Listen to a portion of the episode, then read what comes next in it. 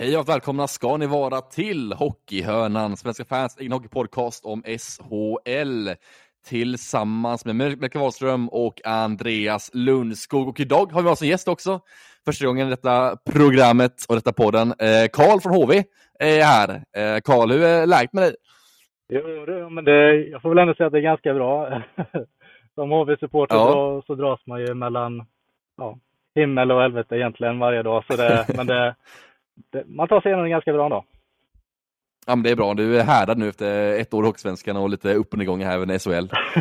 jag får eh, nedstämt hålla med. Ja, bara stå ut helt enkelt. Ja. Eh, hur är det med dig Andreas då? Eh, efter ännu en eh, ledig vecka, man kan säga då, landslagsuppehåll och lite sånt. Eh, hur har det varit med dig den här veckan? Jo, men det har varit bra. Det har varit fullt upp i alla fall faktiskt. Eh, med lite resor hit och dit som det brukar vara i min värld. Ja. Men, eh, och lite med Melodifestivalen. Usch vad dåligt det var i lördags. Eh, och sen så... Ingen är förvånad. Ingen är förvånad nej, det dåligt. Det var, inte, det var en riktig bottennivå. Alltså det, nej, det är dags. Och framförallt de här mellanakterna måste vi ju måste vi ta bort. Det är alltså nej, bedrövlig eh, underhållning på lördagskvällen. Men framförallt så måste vi lyfta Börje Salmings eh, hyllningsmatch som Brynäs arrangerade i lördags. Otroligt fint från alla parter nästan 10 miljoner har blivit insamlade såg jag siffror på här nu. Och ett fantastiskt eh, arrangemang och jag vet ju att många var ganska så ifrågasättande kring det här att man skulle ha hans vepa och sådär. Men jäklar vad mäktigt det var allting under hela lördagen och den matchen som var också. Ja, men jag kan bara instämma med Andreas där och håller helt med i den eh, analysen. Eh, men eh, ja, hur, Karl, du sa att du är här nu efter ett år i eh, SHL, mycket nedgångar nu. Eh, hur är liksom tankarna nu när det ändå är 11 matcher säsongen för HVs del? Liksom, hur går tankarna inför slutspurten den här säsongen? Ja, men eh, tan tankarna trendar ju uppåt, liksom laget har gått eh, senaste tiden. Det var en väldigt mörk punkt där, ända in egentligen till Tommy Samuelssons sista match som headcoach för HV. Um, ehm, och jag, liksom de flesta HV-supportrarna, om jag får dra alla över en kam, har jag ändå mm. känt att vi haft en väldigt stor tillit till Tommy under egentligen hela säsongen, trots resultaten. Ja. Så att eh, jag tror vi alla blev tagna lite på sängen nu när Johan Lindbom har kommit in med Pelle Gustafsson. Pelle älskar vi alla ju, men att de kommit in och faktiskt gjort en sån här stor förändring som det ändå blivit de senaste matcherna. Eh, där kanske inte spelet varit så pass bra, fast det har liksom blivit lite tvärtom. Vi har spelat väldigt bra tidigare och förlorat, men nu har vi spelat sämre och ändå lyckats vinna. Um, och som de alla säger nu, det är poängen som räknas. Det spelar ingen roll hur det ser ut. Nej, verkligen. Eh, men hur ser du på just den rotationen som man gjorde nu med eh, just tränarsidan då? Att man tog in eh, Johan Lindbom som är ordförande i klubben, man tog tillbaka klubblegendaren Pelle Gustafsson som assisterande tränare, mm. hyllade i Dalen bland annat och ut väldigt bra division 1 där och sen då även behålla Charlie Berglund som tredje länken i den tränartrion. Hur ser du på just tränartrion nu, alltså hur den eh, är formerad och så? Ja, men jag vill ändå säga att det, jag var skeptisk först, men eh, Johan har kommit in när, när man varit på träningar och så här. Man ser det liksom en annan simpelhet i det. Ehm, det lag, den situationen som laget satt sig i under säsongen nu. Det, jag tror inte det är många tränare i världen som hade kunnat komma in med världens bästa idéer och kunnat ändra det. För att det blir att det sätter sig så djupt på något sätt så att det spelar inte så stor roll vad det kommer med för idéer egentligen, utan det kanske är simpelheten som hjälper allra bäst och då är Johan Lindbom väldigt bra för han har varit i klubben under hela säsongen. Eh, Pelle Gustafsson tror jag och jag har hört att man skulle börja satsa på honom eventuellt om man skulle åka ur. Eh, att det varit ett litet projekt att han får komma upp i dalen, liksom att Martin Törnberg nu ska gå tränarutbildning och så vidare man börjar jobba på lite tränare ur egna leden så som juniorer kan komma upp. Så det är väldigt positivt att han har kommit in och kunnat ge lite mer lugn i försvaret som är hans uppgift då. Ja men exakt, jag uppfattar väldigt mycket att eh, HV-supportrarna är väldigt arga och väldigt så här eh, kritiska till just den här formeringen formeringens tränarsidan, att man satte in ordförande som huvudtränare. Ser du några problem att man har ordförande som huvudtränare nu, eller hur ser du just på den här att eh, stormen som varit kring just den här formeringen av tränarsidan och så?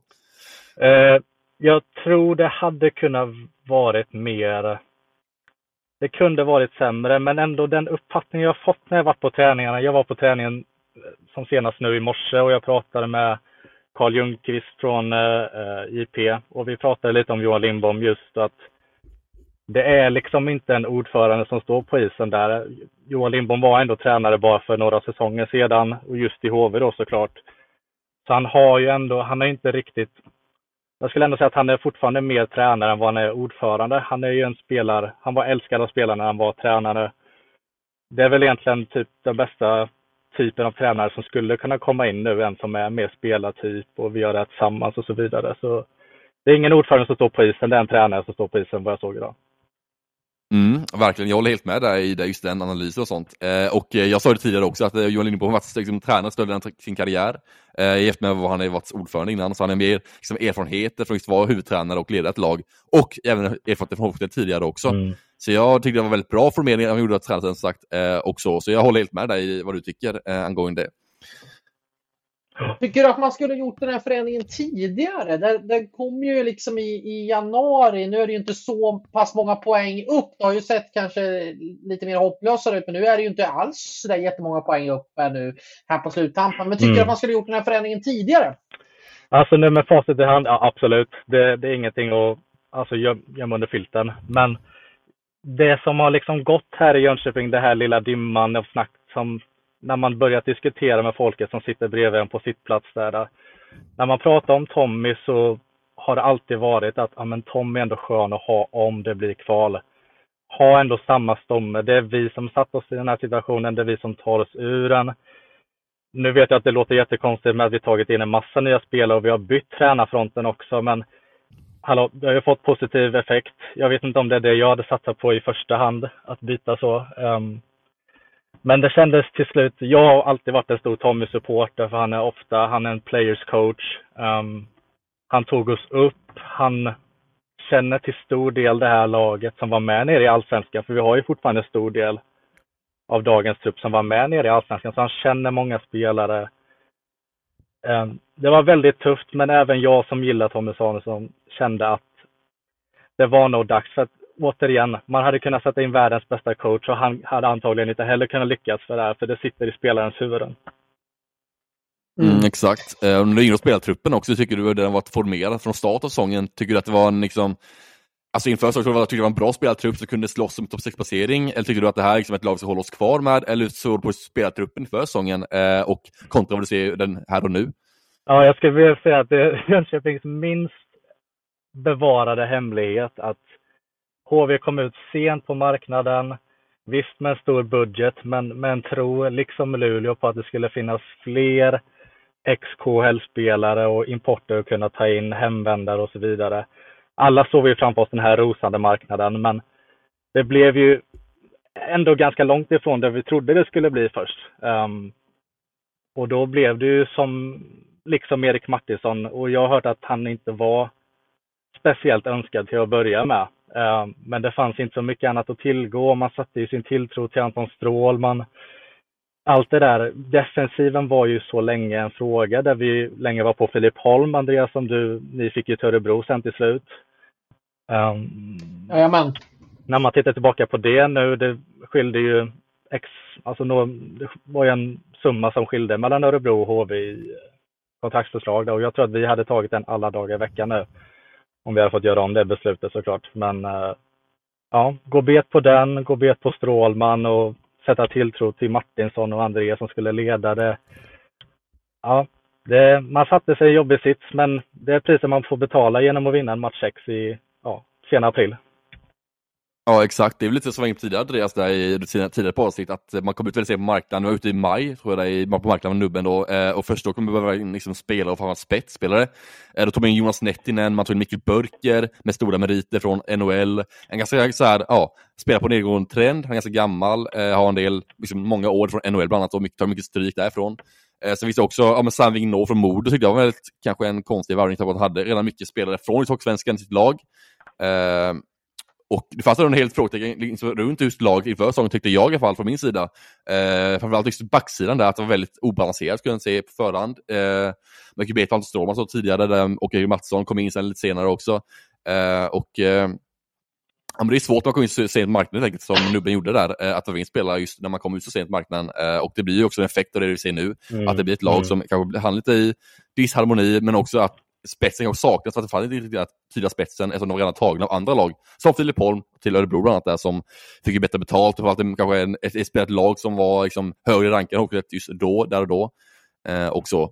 Så det var ju svårt eh, på det sättet också, eh, måste man ändå säga också. Väldigt. Ja, men, men känns det som Känns det som att nubben gör lite som jag gör på Football Manager? Man köper in massa spelare under, under säsongen. För det är ändå, vi satt ju och räknade här, jag och Melker räknade ihop inför eh, Transfer Deadline på onsdag, att det är ju en, två, tre, fyra, fem, sex stycken värvningar om jag inte räknar helt fel. ja, exakt. Det stämmer. Mm, mm. Uh, och jag vet inte, det är ju de sex, jag vet inte ens om du räknat med Viktor Andrén nu som man kommer in, tar in som uh, backup nu som tredje keeper. Nej. Um, sen fick vi också... Hade du sju då med honom? Ja, men sen också, vi hade mm. ju den här Kalle Malahti, jag vet inte om han var inräknad också, backen där som kom in. Jo, jo, han är inräknad. Han är inräknad, ja, exakt. Ja, okay. ja men det... Jajamän. Alltså, om någonting som man får ge nubben, det är lätt att vara kritisk mot honom, speciellt efter hans Frölunda-sejour och allting. Och med facit från denna säsongen, men ändå att kunna hitta spelare. LaLegge har kommit in och gjort en enorm skillnad. Inte så svag defensiv som man kanske var rädd för först, som man fick höra från Timråhåll att det är en stor säkerhetsrisk där bak. Men ändå få in LaLeggia, Kaski, det är ju ett jättenamn egentligen om man kollar sig till internationella prestationer, KL-prestationer. Jag vet det översätter inte precis så till SHL alltid, men att ändå kunna hitta spelare. Jag är säker att han fått betala ändå en del för det, men jag tror det är en del andra lag som hade kunnat betala åtminstone lika mycket som HV gjort i de här fallen. Ja men exakt mm. så är det ju, alltså att de här värvningarna tagit in i säsongen, det är väldigt nödvändiga värvningar. Alltså Radan Lench framförallt tycker jag borde lyft fram som en spelare som tagit stora steg i Hockey och verkligen lyft detta lag tycker jag för med hans pondus och aktivitet och verkligen gått i bräschen kan man säga då för Hockey tycker jag på forwardsidan där. Eh, mycket, mycket bra värvningar, eh, nubben att liksom trolla fram den från Frölunda sådär eh, också. Så han har varit ganska listig under säsongens gång. Här. Jag liksom, lockat till sig Nick Shore när ingen annan visste att han var ledig. Mm. Liksom, lockat till sig mm. LaLeggia från Timrå när ingen annan visste att han var ledig. Lockat till sig liksom, Oliver Kask när ingen annan visste att han var ledig. Lockat till sig liksom, Deran Lench mm. inte visste att han var ledig. Så han har gjort väldigt många listiga värvningar och väldigt mycket kreativt arbete av nubben på igen under säsongens gång här. Och just de värvningarna som är under säsongens gång, det är också en, en effekt av att man inte har kunnat värva in spelare innan, alltså så här, under maj, som är väldigt sent på marknaden. Måste också då vänta in sina spetsspelare som under, under säsongens gång här också. Så det är också en effekt av det vi ser nu i HV som tagit in så mycket spelare under säsongens gång, för att man var sent ut på marknaden. Verkligen, verkligen. Och, ja, för... ja.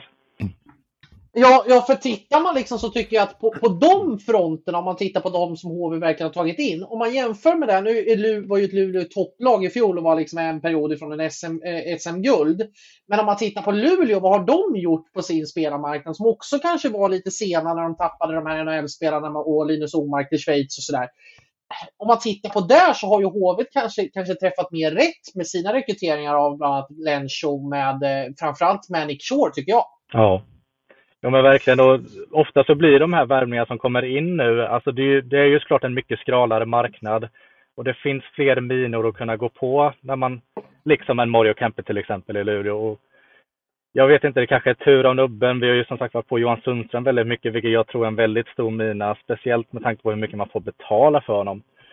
Um, någonstans, det, det, har, det har snackats väldigt mycket om du vet nubbens kontaktnät och allt det här och man har blivit ifrågasatt såklart så ska man ju bli det om man ligger där man ligger, men ändå när man kollar så är det väldigt duktiga individuella spelare som ändå har gjort det väldigt bra. Individuellt i alla fall. Lag, lagprestationen är ju en annan, men ja,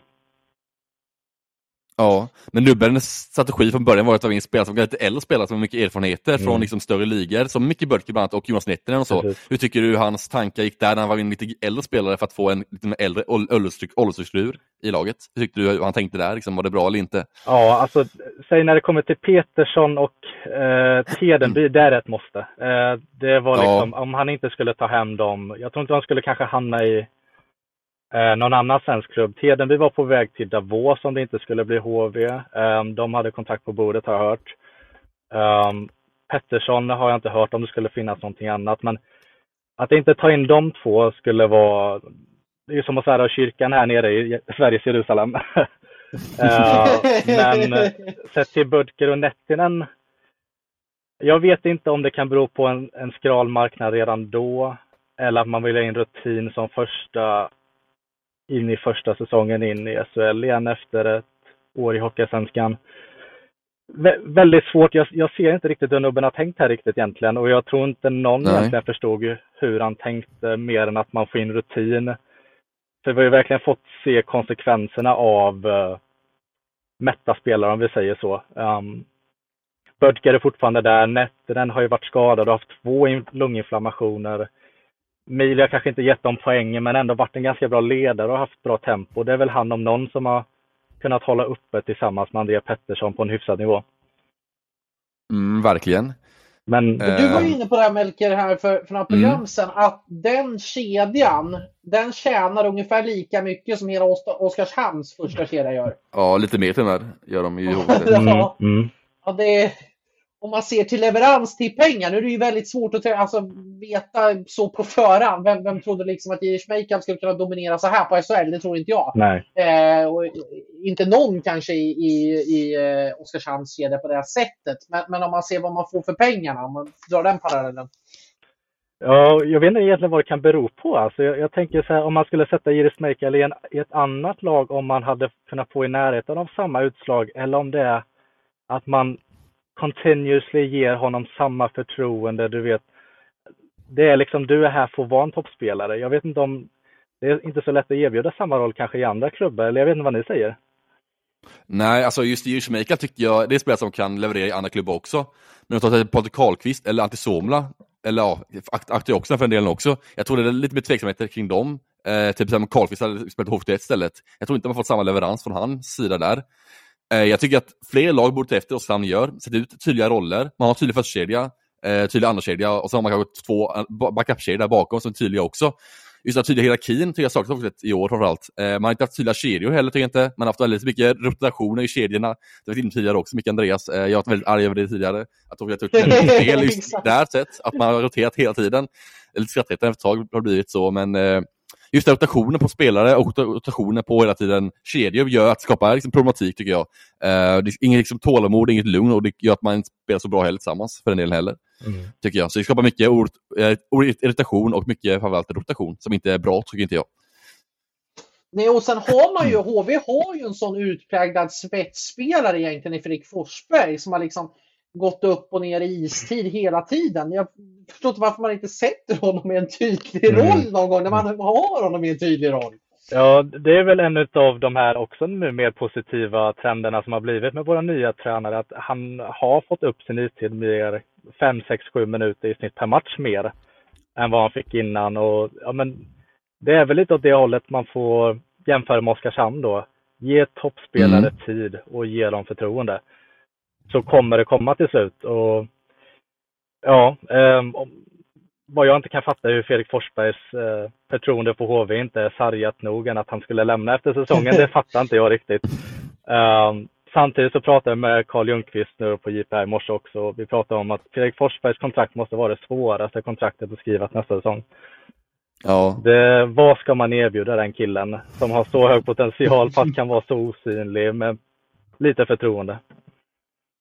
Ja, verkligen. Alltså, hans skott är ju magiskt bra. Alltså, när han får till ett bra, liksom, ett bra träff och sitter på krysset oftast. Mm. Eh, skarpt skott har han, den gode Fredrik Forsberg. Men eh, alltså, om vi ser just till detta, att, eh, hur ser du på det här, liksom, som jag sa till med rotation och sånt i laget, hur ser du på det? Liksom, har det blivit bättre nu tycker du med nya tränartrion, när det har blivit samma eh, som tidigare? Ja, det var ju också, ja såklart, det var ju en av de stora frågetecknen att man inte ja. kunde ge samma formationer tillit att bygga kemi med varandra. Um, nu tror jag i och för sig man hittade uh, Mili Shore Pettersson formationen innan man bytte tränare och konstellation. Men, ja. Uh, vi har kört samma formationer nästan nu tror jag i de senaste fyra, fem matcherna. Ja, exakt. Då har det gått så bra. Exakt. Um, rätta mig om jag har fel, men Tedenby hittar bra kemi med Fiske Mullgård och Radan Lenz. Så det, det, är en ganska otippad. En kort, speedig, snabb, gammal spelare tillsammans med en kort, ung 17-åring tillsammans med en tjeck som knappt kan engelska. Det, Mm. det, jag vet inte riktigt varför det klickar så bra nu, men det är väl kanske en, alltså, en ganska mycket större lugn i gruppen som gör att det spelar inte stor roll vilka vi sätter ihop. Det funkar ändå. Men det viktiga är att de håller ihop det nu och det har de gjort de senaste matcherna.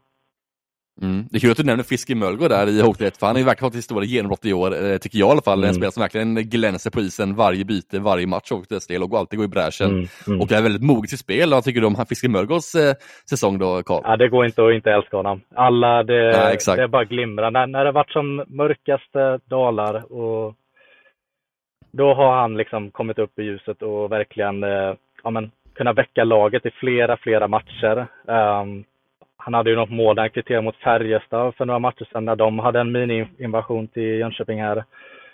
Ehm, och det har bara blomstrat med scouter på läktarna kan jag säga. Och och Seattle Kraken satt jag bredvid häromdagen och pratade med. Och, ja, Topp 10 i draften är ganska satt, men utanför det, topp 15, topp 20 tillsammans med Sandin Pellikka. Det är en riktig stil för Mm. fiskebollgård kan jag säga. Ja, första rundan val med andra ord eh, i kommande draften i sommaren här. Oh, ja. Eh, han hinner fylla 18 va, innan sommaren också va? Eller ja, ja, han, stämmer fylla ja. han hinner fylla 18, ja exakt. Då blir han draftad i sommar med andra ord, Yes. i första rundan. Troligtvis då. Eh, Andreas, har du någonting du vill säga? Nej, men hur, hur, hur ser man liksom, hur ser läget ute i Jönköping? Liksom, hur går tongångarna? För nu är det ju tre poäng som skiljer. Visserligen har, har Brynäs en match mindre spelad. Men det är ju Brynäs på femte då på 41 matcher och HV på 47 på eh, 42 matcher. Hur, hur eh, liksom, känner man sig? Har det liksom känts att man har fått mer vind i seglen och att fan, fan, vi kan klara av det här? Eller är det mer att nej, vi borde nog ställa in oss på ett kval mot Malmö?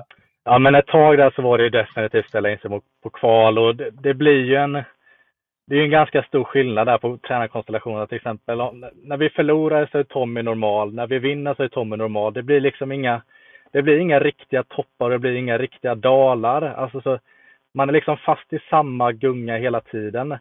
Jämfört med Johan Lindbom när vi tittar på när vi slog Timrå borta eh, den andra matchen när de var i, ja, när de var nya tränarkonstellationen där han höll ju på att börja gråta verkligen och han, det liksom bara spratt ut i honom. Det gick genom skärmen verkligen. Det, det är en annan tongång som går i laget och bara där är ju till exempel Fredrik Forsberg helt ovärderlig och skulle kunna få 300 000 i månaden för han sån han är en sån stämningsspridare i gruppen ehm, och bara håller uppe gruppen. Inte att han är ledare så på det sättet, det kan han också vara, men bara just hålla igång snacket, vara liksom lite busig och så här. Det, det kan låta väldigt barnsligt, men det är sådana saker som gör en vardag och som gör det lite roligare att träna, gör det lite roligare att bli lite bättre, tävla lite mer, genomslag där, skjuta någon puck på någon och sådär. Det, nej, när jag var på träning idag så det var väldigt goda tongångar och hoppet finns eh, mycket större nu än vad det var för några veckor sedan.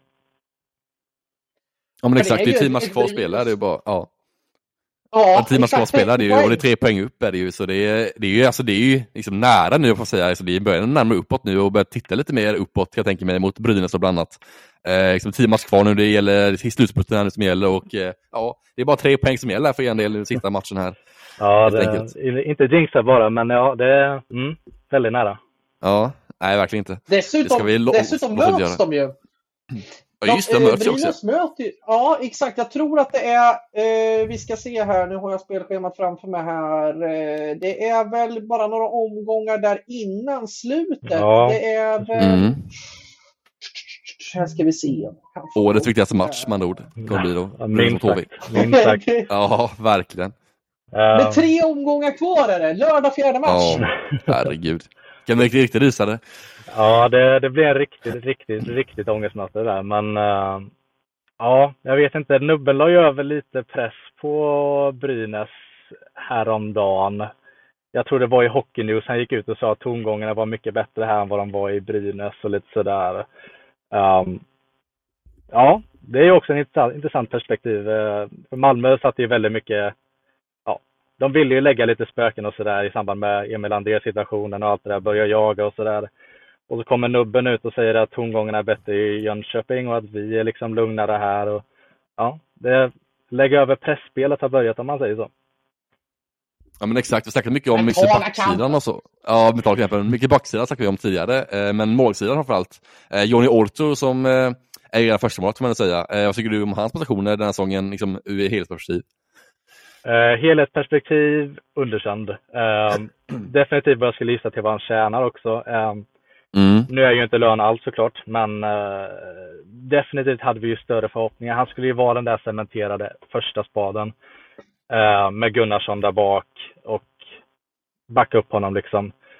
Eh, inledde väldigt bra när laget gick dåligt. Vi inledde ju jätteblekt mot Luleå och Malmö de första två matcherna och han kunde stå på huvudet men ja, det liksom räckte inte riktigt och sen i samband med att laget, alltså defensiv och eh, forwards började bli bättre så sjönk Ortio. Gunnarsson var, hamnade i första spaden ett tag och det har liksom gått upp och ner och hela tiden har nubben liksom sagt att eh, ja, men målvaktssidan är sett, det behövs ingenting där och Mm. i sam, alltså, med tiden så har man börjat ifrågasätta det beslutet också, men eh, det är en otrolig lättnad att det har börjat gå bättre för Ortio nu de senaste matcherna. Han har ju varit, jag, jag ska inte vara arrogant säga så, men det, det måste vara topp tre bästa målvakterna i ligan just nu i alla fall. Oj, ja det är, ja, det är kul att höra. Eh, men Jon Ortio, är det trygga man ditt kval sen? Om det ska bli ett kval, är det trygga med Jon Ortio i kassen då? Eller känner du att du måste ta in något nytt här innan, oh, innan onsdagen? Eller hur känner du liksom kring målvaktssituationen nu i slutet av säsongen? Eh, Jag tror inte vi ska behöva röra målvaktssituationen. Jag tror man lärde sig tillräckligt mycket från eh, finalen mot Björklöven förra året när man tog in Adam Mm. Åhman som tredje. Vi såg att Jonas Gunnarsson kunde skada sig och Filip Larsson var osäker. Det, man skulle ångra sig om man inte tar in ett extra kort. Nu blir han ju, jag vet inte om han blir en officiell del av laget, Viktor Andrén, när det väl kommer ut, men ehm, att få en skadad och sen få en som spelar lite halvdant, det, det kan, vara, kan vara bra att ha en joker att kasta in sådär.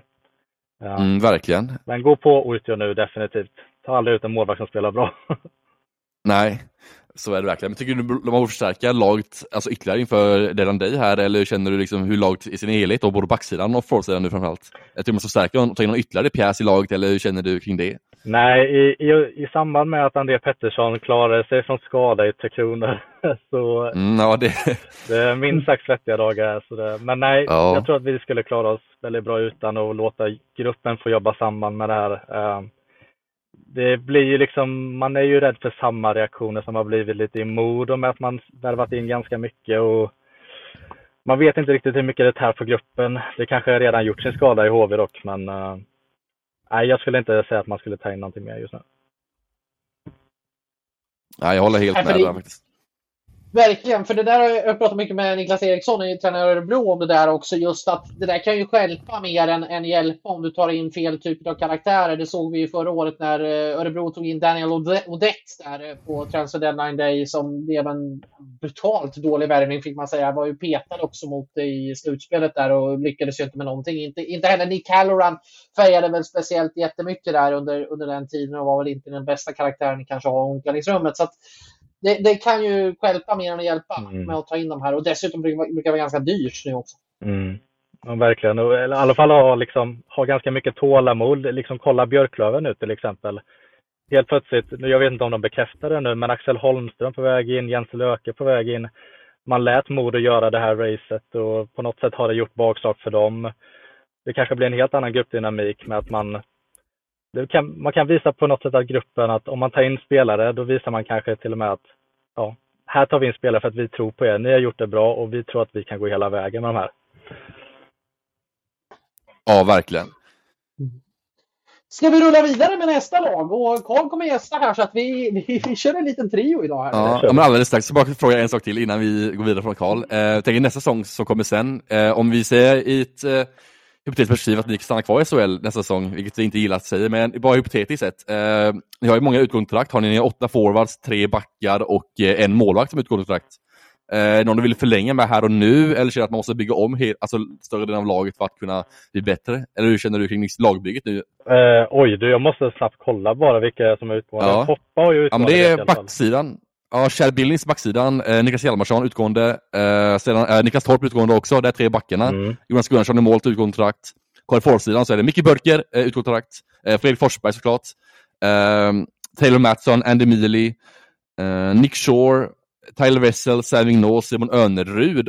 Eh, det är väl de Mm. som har utkontrakt i HV71. Ja, men precis. Alltså, backsidan skulle jag säga är väldigt bra. Jag skulle inte förlänga med Torp.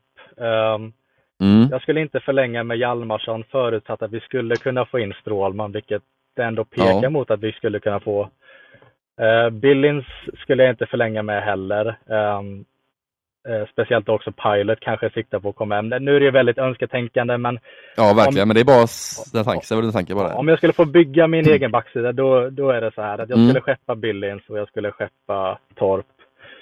Eh, sen känner jag att man måste försöka bli av med Martinssons kontrakt. Det går inte att ha två år till med den Nej. lönetyngden och så vidare. Så, men det är ju defensiven då i alla fall. Um, Bödke skulle jag inte förlänga, inte Mili heller.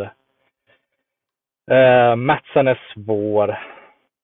Mm. Mm. Shore skulle jag kunna förlänga om man skulle kunna acceptera en andra kedjeroll kanske. Mm. Ehm, kunna få in någonting tyngre som första center. Det är det som jag känt saknat lite också. Man skulle behöva typ en Rodrigo Abos till exempel. Ehm, en som verkligen plöjer och trycker i första kedjan, vilket jag tycker vi saknat. Ehm, Simon Önerud känns som hans tid har passerat redan nu tyvärr. Ehm, Okej, ja. så nej, men jag lämnar, jag tror att, och även de som har kontrakt, jag tror man kommer byta med Nettinen till exempel också. ehm, bara för att ha så lite kvar den här säsongen och jag tror man måste bygga om lite mer, förnya. ehm, Mm. Tyvärr. Jag önskar att jag inte behövt säga det, men eh, det ser ut Nej, bli ja, men så. är det. Ja. Eh, Kevin Stenlund Träna- spelar som är populär i Jönköping. Han har kontrakt ju i Nordamerika, Kevin Stenlund. Eh, Känner du att det är spelare som hade kunnat passa HV71 nästa år? Definitivt. Ehm, jag hade till en början svårt att se honom få liksom en större roll och kunna axla den här första centerrollen. Men tydligen så går det väldigt bra för honom i Nordamerika och han får en del förtroende. Så ehm, hade han varit villig att komma hem så absolut. Annars har det snackats lite om Lias Andersson också. Mm. Kunna ta ett litet omtag. Han gjorde ju ett litet halvt omtag eh, säsongen vi åkte ur där, men det blev inte mer än 15 eller 16 matcher så sådär. Um, nej, men så vi håller första centerpositionen uppe. Uh, möjligtvis andra också, förutsatt att Shore stannar eller drar. Mm. Låter klokt tycker jag. Ja. Tränarmässigt då, alltså hur, hur mycket går snacket där till, till nästa år? Alltså säg att Johan Lindbom räddar kvar er här nu att ni antingen via kval eller, eller att det blir rakt ut då, liksom att man Mm. gör efter grundserien. Eh, hur mycket liksom, skulle Niklas Eriksson som har ett utgående avtal och som han inte kommer att bli kvar i Örebro, kan det vara ett namn som HV har varit på tidigare bland annat? Ja, precis. Jag antar att du syftar på de här ryktena som kom för några år sedan där, Andreas. Det ryktades att vi var på eh, Niklas Eriksson Ja. ett tag. Um, och jag vet inte, du är säkert med insatt, det var att han var på väg till Tyskland eller lite någonting där va? Ja, det har ju varit uppgifter som har cirkulerat om, om Kuln här då, men, men när han skrev sitt avtal med Örebro så var både Djurgården och HV i samma veva då för Mm. två år sedan det här, Mm. eh, på och, och visade intresse. Så att, eh, skulle det kunna vara ett tänkbart namn? Jag tänker, nu kanske han siktar mer utomlands, men är det, en- är det en tränare du skulle vilja se i HV71? Det tror jag absolut. Det, jag skulle vilja se honom, speciellt baserat på vad den här gruppen och hur de har reagerat på han players coach om man säger så. Um, och det verkar ju Niklas Eriksson verkligen vara. Han verkar ju vara otroligt varm som människa och ja, minst sagt ha bra hockeyförståelse också sett till hur Örebro spe- presterat speciellt i början på säsongen och nu även på slutet då. Um, nej, men jag tror absolut, bara man skulle ha kvar Pelle Gustafsson så håller man assisterande, den andra assisterande öppen. Ta in Niklas Eriksson. Säkert val. Mm. Har du något annat eh, tänkbart drömnamn som du vill ändå få in till tränarstaben? Eller tänker du något annat tänkbart namn? Som, Eh. finns det Johan Lundskog ledig bland annat eller lite sånt? Ja, precis. Johan Lundskog tänkte man ju mycket på nu inför att man skulle ersätta Tommy Samuelsson då. Ehm, Mm. ehm, men jag tror om man skulle tänka just i Jönköping vad det florerar för namn, då är det mer att man tänker på Pelle Gustafsson. Att ja, men när skulle han kunna ta klivet upp och axla HVs eh, headcoach-roll? Det är lite det jag tror man går och väntar på för att Dalen har haft ett så otroligt uppsving som ni nämnde tidigare. Ja. Um, och det är till och med pratats om Henrik Skoglund till exempel som följer eh, division 1, eh, Hockeyettan menar jag. Um, han pratar ju mycket om att eh, Dalen skulle till och med kunna gå upp förutsatt att Pelle var kvar och det såg väldigt, väldigt lovande ut. Um, så jag tror det är det alla går och väntar lite på, men jag tror inte han är riktigt där än. Men ha Niklas Eriksson två, tre år beroende på hur bra det går och sen kunna ta upp Pelle. Um, det är väl min dröm, mitt drömscenario. Mm. Det är bra svar tycker jag.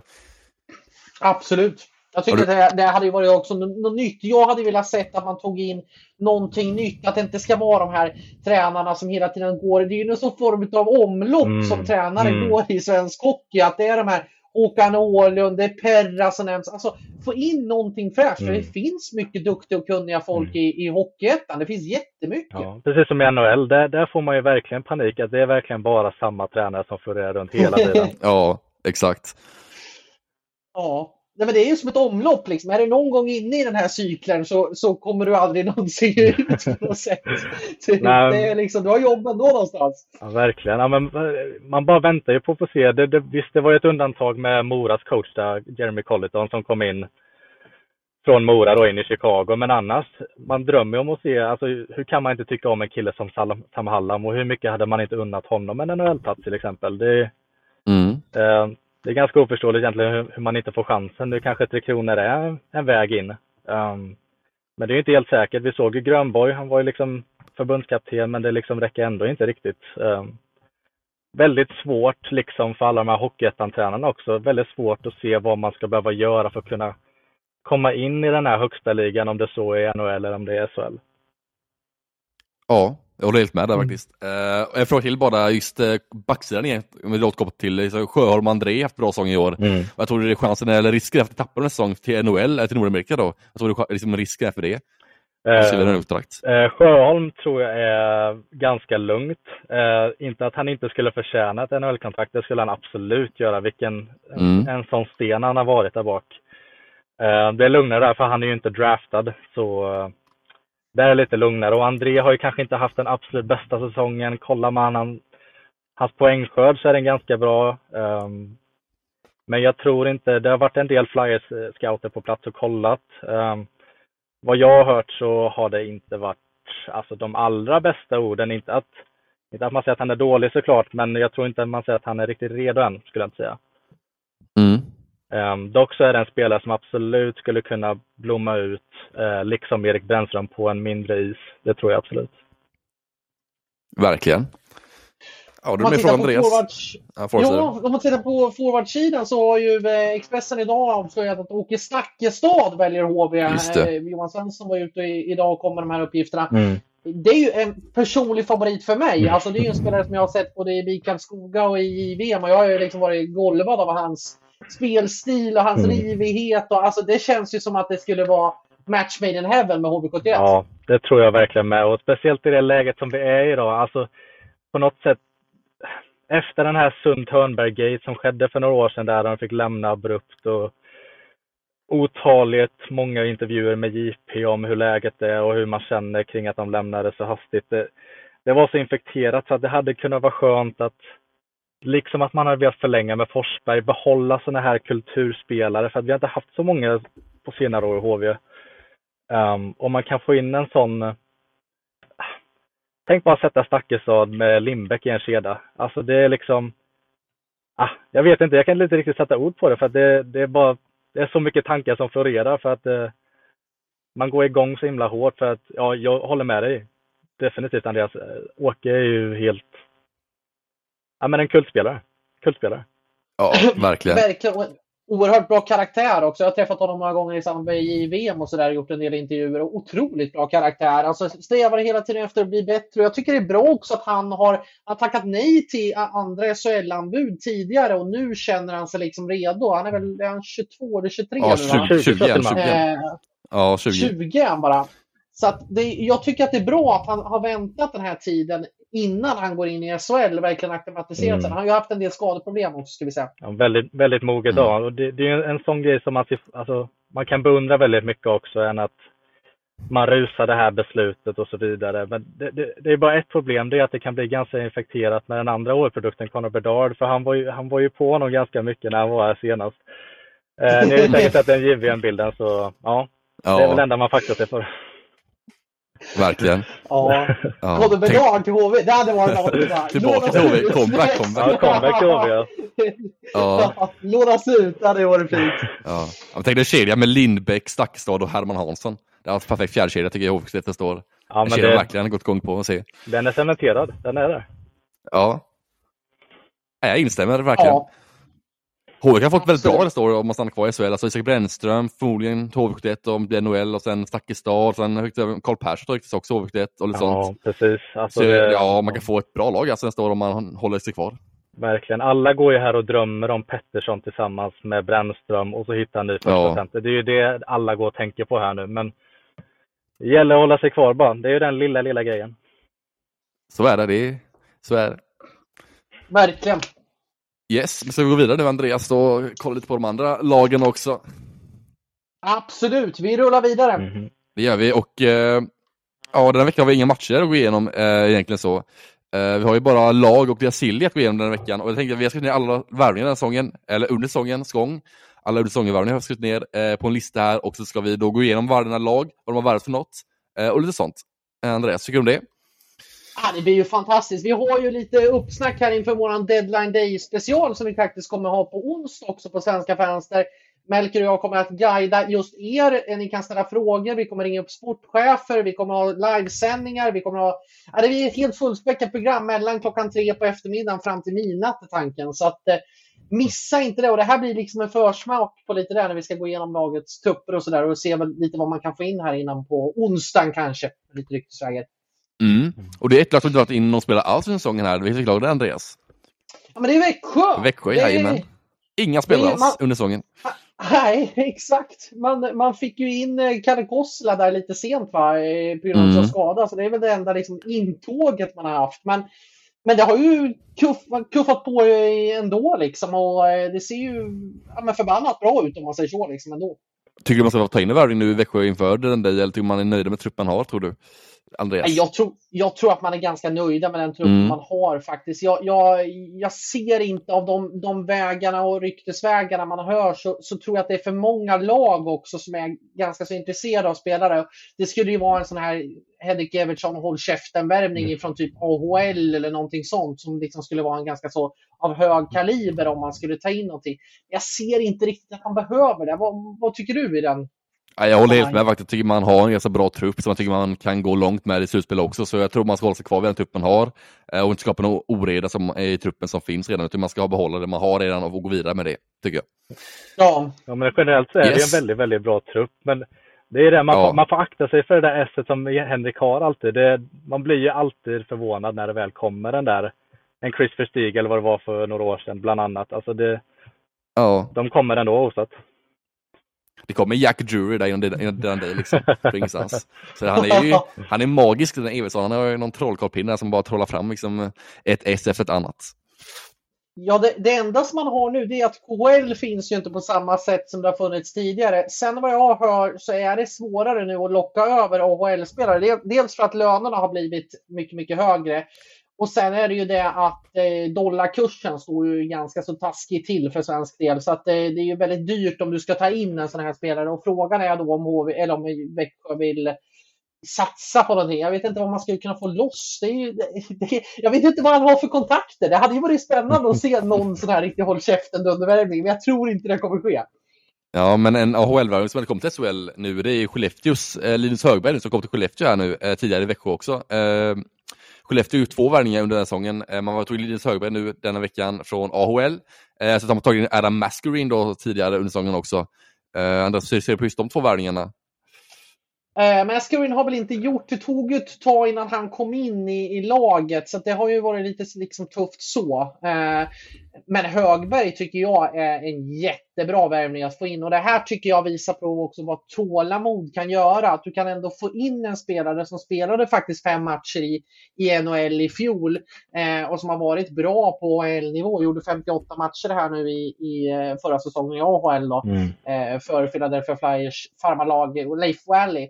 Eh, och det här tycker jag jag visar prov, för det är en back som ändå har varit på eh, liksom SHL-kompetens tidigare. Och jag tycker att det här visar prov på att man har ett tålamod och ett långsiktigt tänk. För det är en bra back, det måste jag säga. Verkligen. Det, och det, på något sätt så får man ju in den här typen som man vill ha in. Skellefteå var ju på väldigt mycket Emil André inför säsongen och det är väl ändå hyfsat. Nu kanske Linus Öberg är lite mer defensivt inställd, men det är ändå liksom lite samma. Man vill ha in den här ungheten liksom man fick in Anton Olsson och nu har man fått det. Nu har ändå tålamodet visat sin rätta liksom. Exakt, man vill ha få in en ersättare till Filip Roos egentligen och de har ju väntat hela säsongen nu och sen kommer Högberg nu som en Roos-ersättare, det kan man säga i stort sett, eh, för Skellefteås del. Så man har letat efter hela säsongen efter en back egentligen till eh, Filip Roos som skrivit en kontrakt med egentligen har kontrakt med Skellefteå. Eh, så det har varit tveksamt hur man ska göra med Filip Roos, om han ska komma tillbaka eller inte, man han stannar kvar i Nordamerika nu. Eh, och då tar man in Linus Högberg nu istället som, ja, men sen matchar Filip Roos i sin spelstil och i sina egenskaper som back. Mm. Ja, och sen är, är det att hans största styrka ligger i i det skridskoskickliga sättet. Liksom. Han är ju väldigt snabb, har en bra acceleration och har ju liksom ett smartness. Och jag tror att han kommer passa in bra i Skellefteås spel. Så att jag tycker att det är en bra värvning utifrån sett hur laget spelar och, och vad han har för meritförteckning.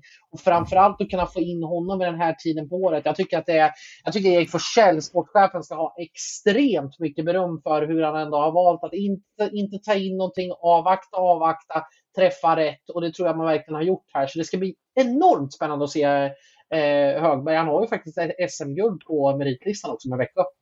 Ja. Verkligen. Gå vidare nästa lag tycker jag. Nästa lag är Malmö Redhawks som tog in en spelare under säsongen har ut än så länge. Det är Brandon Maxwell, målvakten som kom in till Malmö här under tidigare säsongen och gjort väldigt bra får man säga nu efter ett tag eh, i Malmö-tröjan. Jag tycker du Andreas om just Brandon Maxwell-värvningen då som Björn Liljan gjorde där i Malmö Redhawks. Ja, men den har ju ändå träffat rätt bra. Alltså, jag var jättetveksam för jag var inte alls imponerad av hur han spelade i Rögle. Jag tycker att han var jättefladdrig när han var i Rögle och jag tänkte att vad är det här liksom? Det här kändes som en panik fullkomligt. Men han har ju ändå gått in och av, avlastat och gjort det bra liksom nu när Marmen Lind har varit skadad. Eh, sen är jag väl lite tveksam till, kommer de här målvaktsparet hålla i kvalet? Om det kommer bli, för kval kan vi redan spika för Malmö. Och det är frågan då, om Armelind inte kommer tillbaka till en hög nivå efter det här, då börjar jag bli lite orolig faktiskt för Malmös del. Och vad gäller Malmö Silly, nu har ju Björn Liljander sågat ut det här att sagt att butiken är stängd, vi kommer inte ta in någonting. Och då blir jag orolig faktiskt, för att man skeppade iväg Christian Vesalainen som skulle vara den här tilltänkta spetsvärvningen och sådär. Skeppades iväg i, tidigare i höstas och, och sen har man ju inte ersatt. Alltså, det Just Kim Rosar någon... kommit också, ska jag säga, tillägga också. Kim Rosar kom till säsongen också, det har vi glömt från Rögle. Det ska ja, vi lägga till. Så lägga till också. Men, men, men, det är ju för svag, för svag alltså, från en sportchef att man väljer att sparka en tilltänkt stjärnvärvning och du, och du lastar inte in någonting. Nu vet jag att det inte, att det inte har växt sådana värvningar på träd under den här säsongen när marknaden har varit så tunn. Men att man inte väljer att göra någonting annat, det oroar mig faktiskt. Mm. Kan det vara, tror ni, att de försöker stänga gruppen, att säga verkligen det är så att vi litar på er, vi tar inte in någon mm. annan. Det är verkligen ni som ska göra det. Kan det vara på något sätt att man försöker visa någonting för truppen att eh, vi tror att det är ni som, som ska göra det här?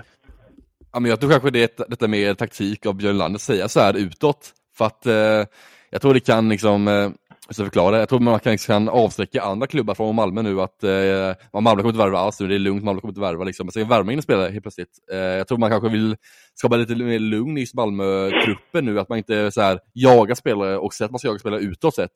Eh, jag tror att man kanske är man har på en spelare också, vet jag enligt Maddock, har man varit på någon spelare så men inte fått den spelaren och då kanske man ändå är ute på jakten någon som man inte säger det utåt. Så kanske är det liksom taktik också av att säga så att man har stängt butiken som egentligen inte har gjort det. Mm. Så man vet aldrig vad som händer. Det kan hända vad som helst här under den som sagt. Mm. Sen är det ju svårt också, vilken spelare av spetskaraktär skulle vilja komma till ett Malmö som är liksom nästan till spikade för kval? Och dessutom ett klubb som har ganska så tufft ekonomiskt. Jag ser inte vem skulle vilja flytta över och ta den risken när det finns andra toppklubbar att, att kunna gå till. Ja, nej, det är ingen drömsits att komma till Malmö kanske direkt så nu. Eh, så det är ju såklart man säger det, alltså, det är tio matcher också och sen är det kval som gäller för Malmös del. Så det är ju ett tufft läge för spelare som kommer in. Liksom. Det är ändå alltså, utsatt position man sitter i som ny spelare i Malmö nu eh, under den här säsongen än så länge. Och så. Ja, nej, så att jag ser inte vad Malmö skulle kunna göra i förstärkningsväg i den här. Men jag, ja, jag är lite orolig. Men som du säger, det kan ju också knyta gruppen samman.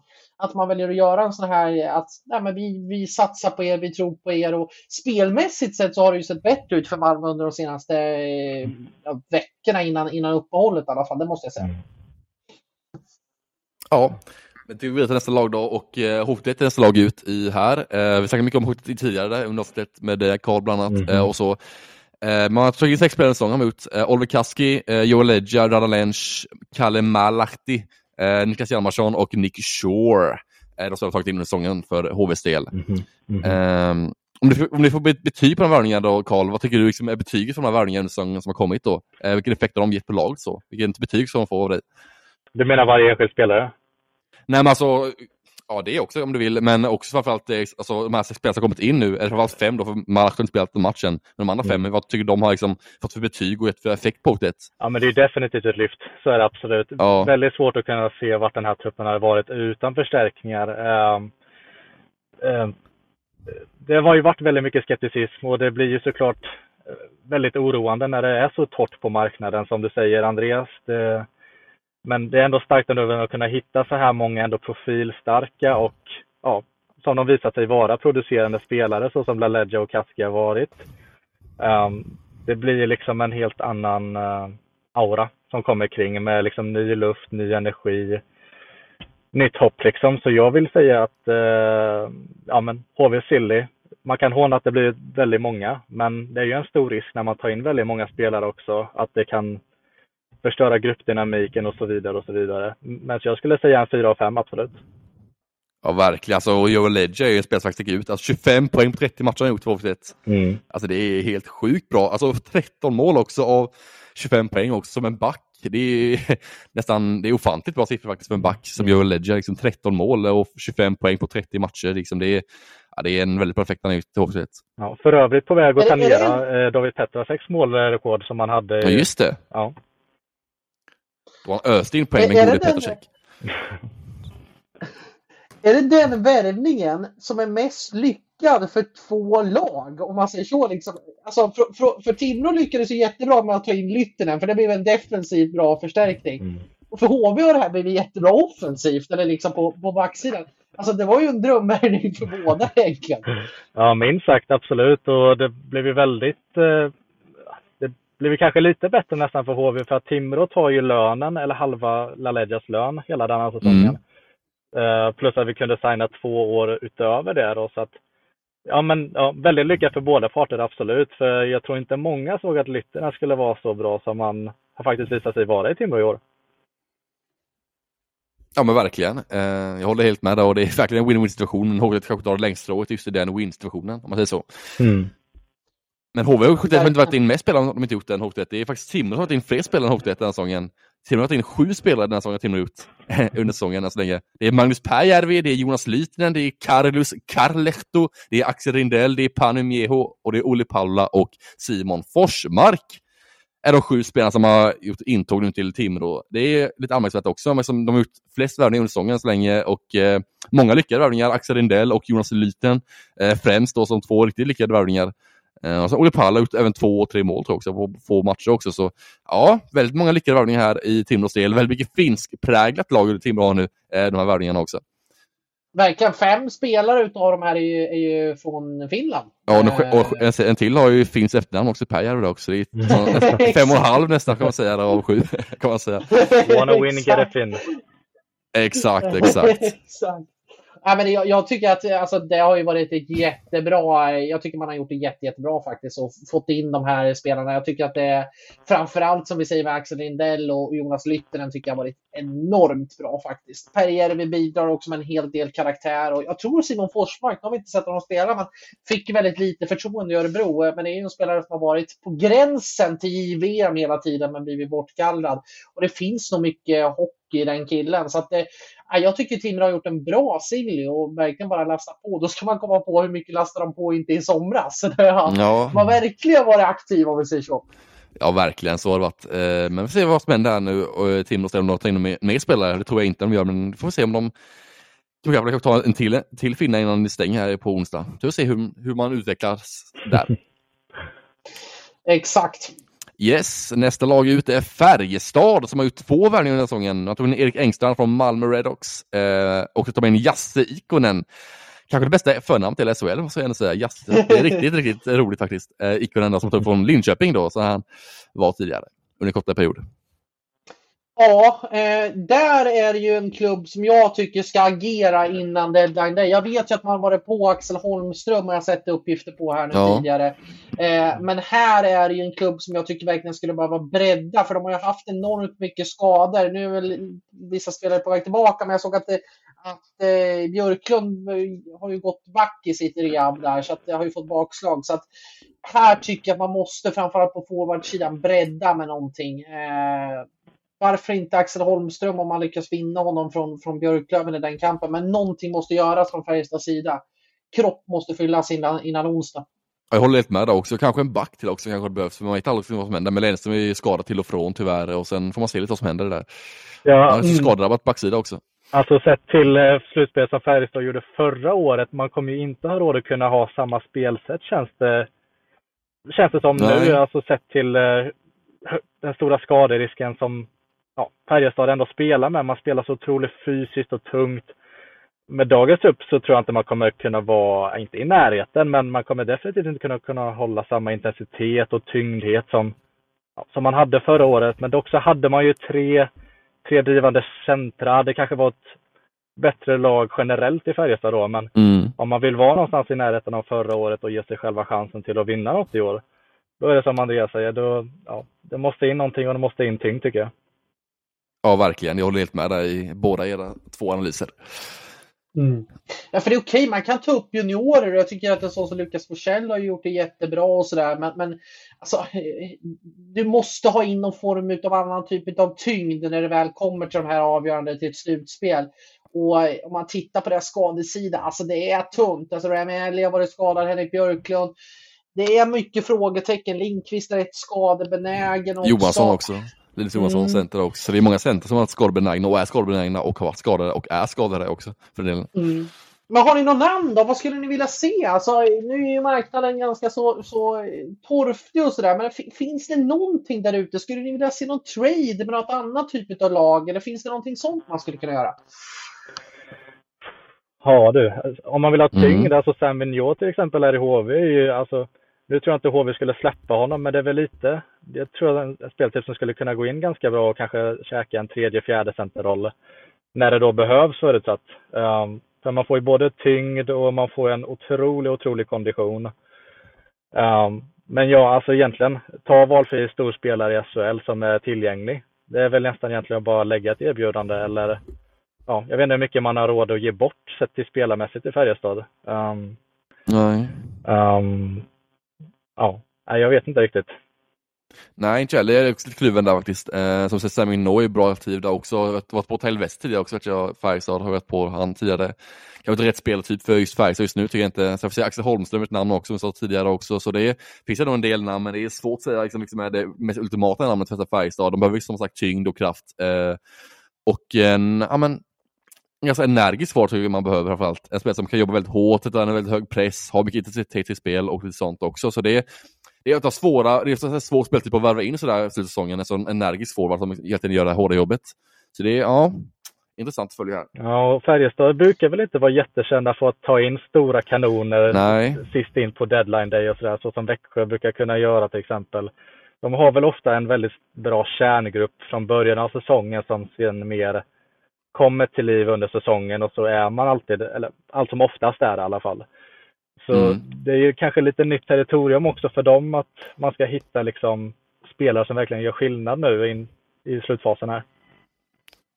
Ja, verkligen. Ja, Ja, och det finns ju inte riktigt de, alltså fin, finska ligan har ju, där har ju, har ju det bjudits ut, men jag såg nu uppgifter från, från Djup eh, att, som ser ut att missa slutspel, där det finns ett antal intresserade spelare. Där, där eh, ska tydligen butiken vara stängd mm. eh, totalt, eh, enligt vad jag har hört. Eh, ja, exakt. Det, det, det, är en smal, smal marknad. Färjestad har ju också, precis som du sa där också, eh, Karl, att de har inte heller varit kända från att ta in de här stora kanonerna. Det har ju varit mer Michael Lära och, och sådana liksom som, mm. som ska mer fylla en kropp. Men jag tror också att det är det man får rikta in sig på. Jag tror att det är svårt att landa någon riktig spets här nu. Ja, jag håller helt med. Jag tycker vi går vidare till nästa lag som är Brynäs, då, som tagit in många värvningar även de. Två målvakter har ju varit i Brynäs och, och även en har fått lämnat. Eh, Tommy Karonen kom in, eh, var bara några matcher här och sen lämnade han för Schweiz, är tillbaka i Schweiz igen. Eh, sen Jussi Olkinora, kanske säsongens mest håll käften-värvning. Eh, kanske den största smällkaramellen som kom in till SHL under säsongen här. Den VM MVP-målvakten som varit i Detroits organisation kom nu till Brynäs då, eh, Jussi Olkinora. Sen har Kevin Roa har ju också varit i Brynäs men lämnat eh, efter några matcher där. Mikko Niemele, eh, back som kommit in till Brynäs också. Jakob Blomqvist och William Strömgren, även två spelare som även de har varit klara sedan tidigare i Brynäs. Ja, Ja, det... vad säger ni? Ska vi dra, ska vi dra Brynäs målvaktscirkus? Alltså, Ja, det- vi gick in ja. med de två bästa målvakterna, kanske på förhand. Sen, sen började den andra spelare inte särskilt bra och den andra ledsnade så han drog. Då tog man in en annan kille som vi har haft förut i klubben. Och så spelar vi honom en stund. Men då spelar inte han jättebra utan då börjar den andra spelaren börja, börja spela jättebra. Sen skippar vi iväg honom och så tar vi in kanske Europas bland Europas främsta målvakter. Ja. Och så signar vi på honom. När den andra målvakten faktiskt har kommit igång och spelar ganska bra. Ja. Mm, mm. Ja, det är vi konstig värvning tycker jag, man gör med Olkinora där, för man har ju ändå liksom Lindbäck som en bra uttal första målvakt tycker jag. Han har varit bra på sistone också tycker jag. Olkinora är klart det är en klassmålvakt, klart man alla i lag vill ha han. Men det blir lite konstigt om man har liksom både Lindbäck och Olkinora, liksom nu två klassmålvakter. Alltså man har inte lärt sig någonting av vad man har gjort tidigare, för man hade ju två första målvakter inför säsongen och då har man två första målvakter igen. Fast det funkar inte förra gången, men nu kanske det ska funka igen hoppas man då. Eh, så det, det är lite konstigt tycker jag där också. Ja, för det är ju en målvakt som liksom spikade igen fullständigt ti- tidigare under VM här i, i eh, men bara i våras där också Finland vann. Han hade en 90 en räddningsprocent Ja. på ni, nästan 90, uppåt 95 Han var då. ett monster alltså i VM. Ja, och likadant på OS var jäkligt, han var ju andra målis på, på OS då, men, men var ju med i den truppen och det visar ju också, VMet innan dess var han också skitbra, men ni- 94, så det är, det är en av Europas absolut bästa målvakter, det måste man ju säga. Men att man tar in honom tillsammans nu när Lindbäck har spelat, börjat spela ganska bra. Varför lägger man inte de här pengarna på en lite bättre forward istället i Brynäs? Ja, det är väldigt, väldigt konstigt. Det, det är nästan man tror att man må, de måste nästan pratat om Lindbäck innan om det här. För att om jag känner om jag hade varit Lindbäck, om jag först nu börjar spela liksom på den här nivån som jag är intagen till att vara och så kommer då det här. Det är nästan som att de måste prata med Lindbäck om det här. Nu tror jag inte man har gjort det, men Nej. man försöker bygga upp det här scenariot eh, och försöker, man försöker på något sätt rättfärdiga det här i sitt eget huvud och jag liksom hittar inte riktigt något sätt där Brynäs gör rätt. Och jag helt håller med dig Andreas. Varför inte en forward? Skapa bredden. För det är det som kommer behövas ifall de kommer in i ett kval. Um, det räcker med en storspelande målvakt. Uh, visst, nu, nu kan även han gå sönder, men man får ju värdera risker också. Ja, helt klart. Eh, Men frågan hur Ja. blir det? Ska Olkinora stå sista matcherna i SHL eller ska man blanda och ge lite där mellan Lindbäck och Olkinora? Eller hur ska man liksom gå tillväga nu i Brynäs målstation här den sista tio matcherna av säsongen? Eller sista elva blir det nog. Säsongen här. Det är svårt att liksom värdera det där. För det kan vara slut för Brynäs också sen och då har Olkinora bara stått där kanske fem, sex matcher och det är också lite konstigt. Om man säger Ja, Det så. blir, som att, det blir som att kasta tärning. Bara, vem ska stå idag? Typ så, Det är- typ så. Det är, det är, det är nästintill så faktiskt. Alltså, det blir jättemärkligt. Nej, jag, jag tycker det är jättekonstigt. Man hade kunnat... Jag vet inte om man skulle ha fortsatt med Kaurunen för att alltså, gå in med honom i ett kval om, om Lindbäck hade blivit skadad eller fått en formdipp. Ja, då vet jag. Men att man tar in liksom Europas bästa målvakt typ och bara, nej men nu satsar vi och kör. Liksom Ja, det känns ju inte så. Sen är det klart, om han skulle stå i ett kval så tror jag att han skulle spika igen fullständigt om Brynäs väl skulle hamna där. Men för att inte hamna där, då skulle man ju egentligen ta in en forward eller en back. Eh, och sen tycker jag det är märkligt, hur, på ett sidospår, hur kan Ola Palve vara kvar efter den här säsongsinledningen? Ja, det är nog en fråga alla Brynäs ställer sig. Han har varit otroligt dålig faktiskt under hela säsongen, får jag ändå säga. Han har haft någon period där han var ganska bra, gjorde en del poäng och det är matcher gjorde mål, men det är alldeles för få matcher han gör det i. Mm. Och sett till lönen han har, sett till spelarna som han är i grunden, så är det ingen spelare som gör skillnad i dagsläget i Brynäs. Jag tycker Kevin Roas var inne i Brynäs, han gjorde ändå ett gott intryck på mig i alla fall när han var i Brynäs. Liksom, snabb spelare, tar sig in på mål, vill gärna in liksom, i smeterna och göra skitgörat. Och en spelare som verkligen Brynäs faktiskt behövt nu egentligen. Så att han inte blev kvar tycker jag känns ganska märkligt i, så, i Brynäs. Jag tycker det var spelare som ändå gjorde avtryck i Brynäs. Ja, det känns som att det kanske inte funnits alldeles för många sådana. Och det, jag menar, vad jag Nej. kunde uttrycka eller se från Kevin Roar, det var en som kom in med liksom bra energi och sådär, som du säger Melke. Men Ja, det, det är väl kanske lite det som känns som det har saknats i Brynäs ibland. eh, ehm, jag vet inte, Timashov kanske kan ha lite samma effekt ibland, men eh, väldigt ofta en ganska ensam spelare utan att kritisera för mycket. Ehm, nej, jag vet inte. Det känns som att eh, positiv energi som Kevin Roar kom in med kan man inte få det kan man inte få för lite av när det kommer till Brynäs känner jag. nej verkligen inte. Nej, så att det är jättemärkligt. Och de skulle verkligen behöva agera innan, innan onsdag på ett antal ta in, Mm. antingen ta in en, en back eller en, en forward. Någonting måste ske. Alltså.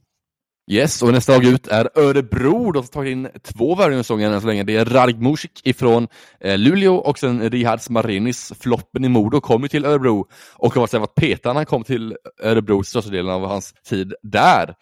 Ja, Andreas, tycker du om de här två värvningarna som Örebro har gjort? Ja, till att börja med tycker jag att det är oerhört märkligt för man har haft juniorer som har verkligen gått, gått före. För, först började ju allting med det här med truppbygget. Det var ju att Petrus Palme var helt under isen och inte alls eh, eh, liksom frontade någonting. Den här tilltänkta spetsspelaren har ju, alltså innan han skeppades iväg, spelade ju knappt inte alls där ett tag också. Och ju till och med Peter från träningen.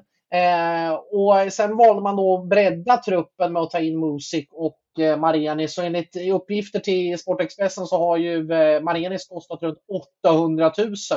Och du, det kan nog vara de absolut dyraste 800 000 som någon har slängt iväg någonsin tror jag. För att han, alltså det är ju juniorer som går före honom i, i det här läget. Ja, ja alltså så. man gjorde värvningen väldigt eh, desperation, gjorde det kan man säga. Liksom, det var väldigt så här, skadedrabbat lag. Man tog in och spelade, liksom, man greppade ett halmstrå från Modo där och tog in och spelade flopp i Modo och gjorde något avtryck i Hockeysvenskan i Modotröjan. Tog man in honom till SHL och han, ja, flopp i Hockeysvenskan och då blev han en flopp i SHL. Det är så magasinet där för Marenis del och han har inte fått chanserna heller så man kanske kan, måste ha för att kunna acklimatisera sig i SHL också och kunna ta steg även på SHL-nivå. Så det, ja, det är ja, det lät sig väldigt, väldigt bra för, det låste sig väldigt, väldigt bra för Modo i alla fall. Det kan man minst sagt säga. Um, det ja. bränner ju väldigt mycket de här 800 000 kronorna. Säg att du har de här 800 000 att räcka med nu. Nu ska det såklart finnas ja. en spelare du kan lägga dem på det också, men det är ju en högkalibrig spelare du kan få för de här 800 000 utspätt på de här tre månaderna som är kvar ungefär. Mm, verkligen. Ja, men titta liksom vad, vad, vad Ruggle får in nu för Valtteri Viljanen som kommer in här nu. Han, han är ju enligt uppgifter till Sportexpressen också, kostar runt 500 000 att lösa. Sen är det ju, sen är det ju lön och sådana saker också som ska lösas där. Så det blir väl lite mer dyrare kostnad. Men det, det ja, det är typ samma kostnad kan jag tänka Ja, samma ja. kostnad som Marin, ungefär 8 000 med lön och bonus och allt inräknat. Det blir ungefär 8 000 ungefär, tänker mig. Och då, och då får du en spelare som inte alls platsar i, i, i Hockeyallsvenskan. Och det man gjorde fel också, det var ju att man skrev de här alltså låneavtalen under hela säsongen. Både med Musik och med Marenes. Att man inte försökte få in dem på ett kort, korttidslån. Mm. Bara för att täcka upp för de här skadorna som man hade. För man hade ju enormt mycket skador där ett tag. Det var väl tio spelare borta med JVM och grejer sådär. Så att Nej, Örebro skulle verkligen behöva också för att kanske utmana. Men jag säger så här. Jag tycker Örebro ska ligga lågt. Jag tycker att Örebro har gjort bra med den här truppen. Har liksom utvecklat den här truppen, får in bra juniorer som kommer in och fyller luckorna. Jag tror att Örebro mår bäst egentligen av att bara låta det här vara. Mm, jag håller helt med. Man kan nog bli en riktigt farlig dark horse i slutspel i så fall om man låter det vara bara och bygger truppen ännu vidare. Definitivt. Ja, definitivt. alltså det man det kanske väl... skulle behöva hitta.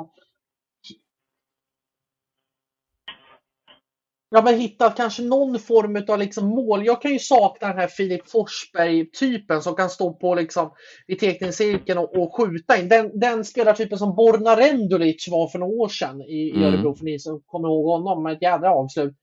Eh, men det ska ju vara rätt karaktär och det vet jag inte om man kan hitta i det här läget.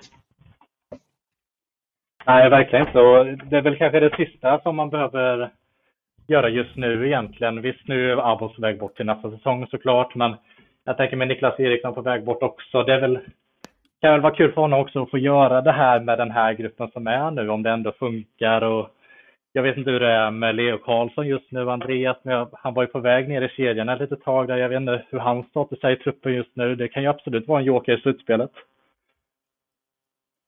Absolut, har ju varit lite sen JVM att det har gått ner lite i energinivå. Men jag menar, man har ju bra juniorer. Alltså Milton Oskarsson och Adam Hoffbauer som nu har varit utlånad till Almtuna har gjort det skitbra och kommer in med bra energi och allting sånt. Och nej, jag ser inte att man skulle hitta någon form av sån spets så att Örebro verkligen bara, det här ska vi lassa in. För vi ser bara på, på Marenes och Musik, alltså det har inte blivit jättebra. Det har bara blivit större kostnader än, än vad det mer har gett någonting. Ja, verkligen. Eh, det är kul att du nämner Viljanen tidigare, därför nästa lag ut är Rögle och de har ju tagit in Viljanen här i dagarna. Eh, Linus Sandin har varit klart tidigare, eh, Lukas Schlock var i Rögle också, sen lämnade han eh, efter bara några matcher där. Och Simon Hjalmarsson, även han ryktas till vara klar för Rögle också enligt Sportexpressen då, Andreas. Ja, Rögle, vad tycker du om deras värvningar under den säsongen?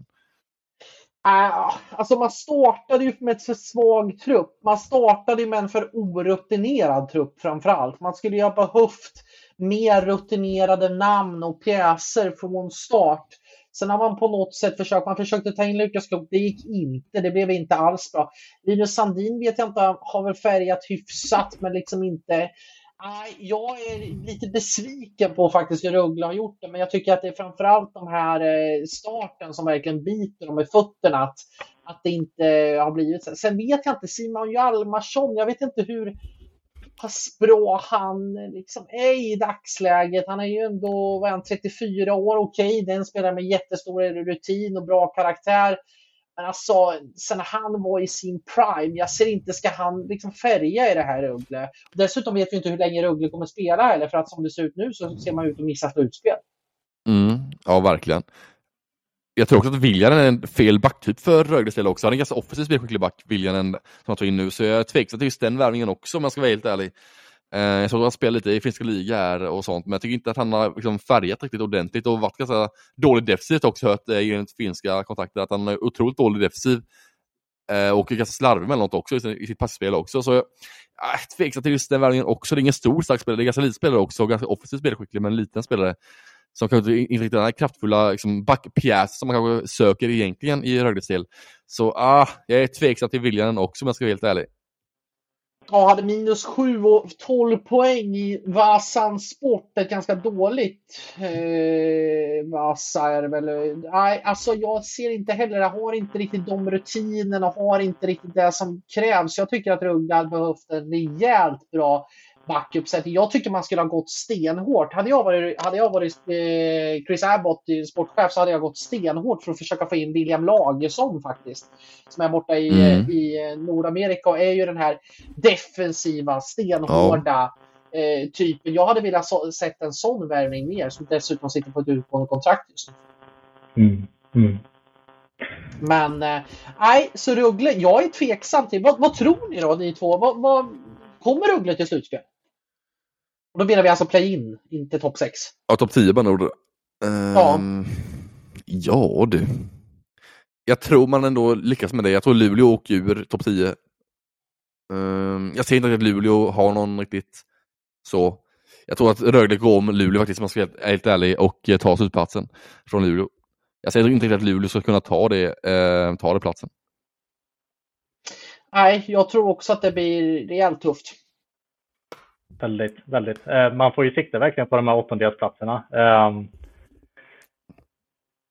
väldigt, väldigt konstigt. Jag, jag, tror att man skulle kunna röra till det lite. Det blir lite motsatt situation som det var förra säsongen då Oskarshamn var underdog och Rögle var väldigt, väldigt overdog om det är ett ord nu. Men, ja. nej, men så det, det, blir väldigt intressant om de två skulle kunna mötas i uh, en åttondel. Det är lite oklart. Det kanske Oskarshamn kanske till och med siktar ännu högre än det. Men mm. Jag har svårt att se vad Rögle skulle kunna ställa till med egentligen för att väldigt, väldigt många intressanta lag på åttondelsplatserna.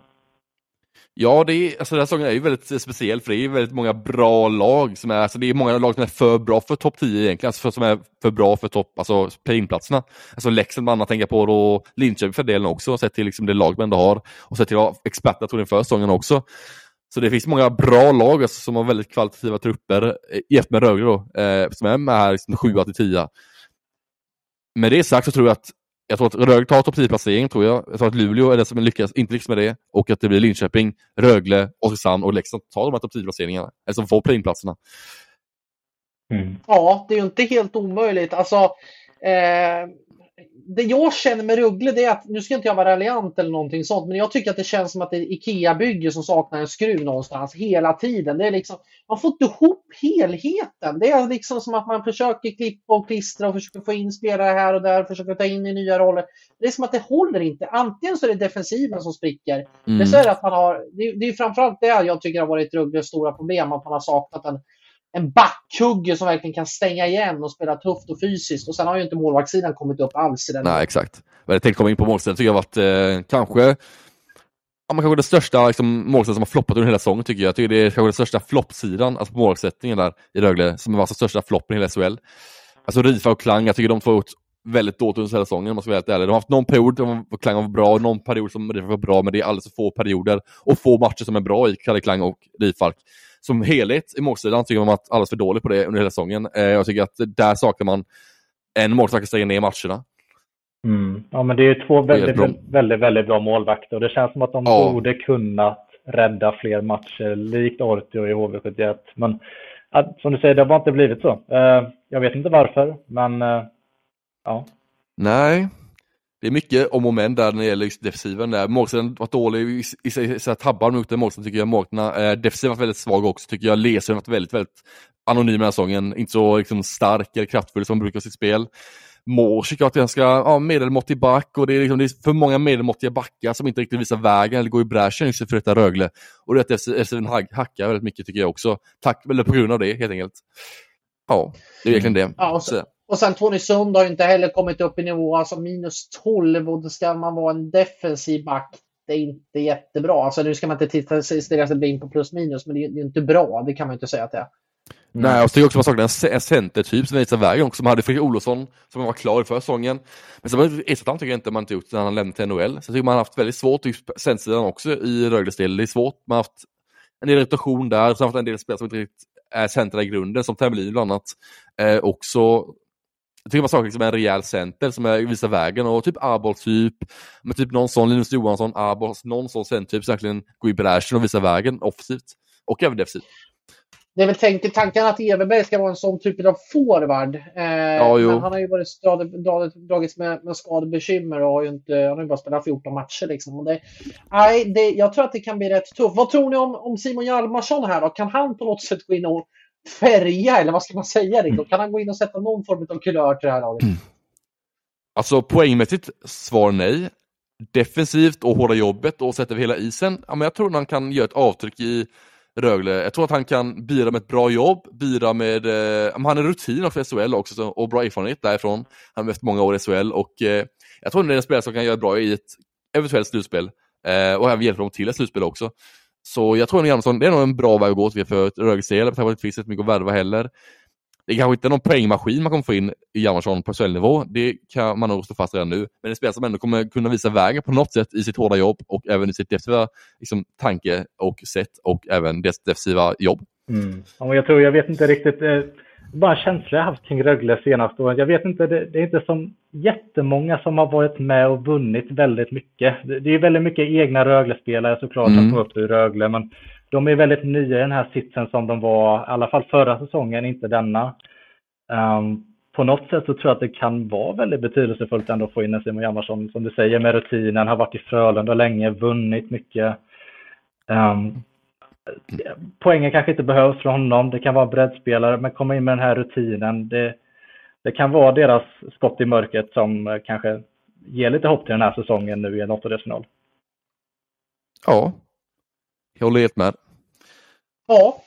Och Hjalmarsson spelade ju i Frölunda tidigare, som vi nämnde nyss, och Frölunda har gjort en värvning den här säsongen har man Frölunda gjort. Man tog in Louis Eriksson, eh, efter mycket om och men så plockade man en, innan efter ett tag. Eh, det var snack om han länge ett tag, men det, han kom slut eh, till laget i alla fall efter att ha skickat Ran Lench i HV. Eh, ja, deras enda värvning i säsongen, eh, Frölundas del. Ja, eh, och ett Frölunda som ändå har kuppat på där, ligger ju på alla fall på femte plats och då ska man säga att det har, har varit mycket som inte har klickat i Frölunda. Ja. Men ändå så är man mm. femma, det ska man på något sätt komma ihåg. Alltså vi, Ryan Lash gör en väldigt, väldigt svag säsong. Man gör ett väldigt svag säsong i powerplay, dåliga i special teams. Eh, och mycket som inte klickar. Lasse Johanssons målvaktsspel var fladdrigt i början, men alltså han varit ramstarkt det är mycket som inte har fungerat, men samtidigt så har man, eh, ligger man ändå på en femteplats. Ja, men de lever farligt för alltså, gör de. Det är, ja, topp 6 kan bli tufft tror jag. Alltså, det är en match med spelare som har gjort en både Leksand och Timrå och det är bara liksom, en poäng ner till Timrå och två eller tre poäng ner till en sjunde plats till Leksand. Och ser man till deras plus också, de också i särklass sämst plus i hela topp 6-serien eh, där, med minus två. Och de andra lagen har liksom plus 12, plus 12, plus 8 och sånt. Och Leksand plus 9 och ligger 7 Så de lever farligt i Frölunda tror jag. Så det är, ja. Mm. Ja, de, det känns som att de ändå kommit undan ganska väl ändå sett till alla de här skadorna ja. de haft. Eh, de har ju ganska många år i rad haft en väldigt, väldigt bred trupp, inte minst i centerlinjen. Ehm, men ändå att man kommit undan ganska bra. Det känns som att både Frölunda och Färjestad de har skadekrig nästan varje dag på sociala medier där man pratar om vem som har flest skador mm. och så vidare. Um, nej, men en, en femteplats såklart är ett tight race, men en femteplats med alla dessa skador där en hel del juniorer får komma in, bland annat Otto Stenberg och så vidare.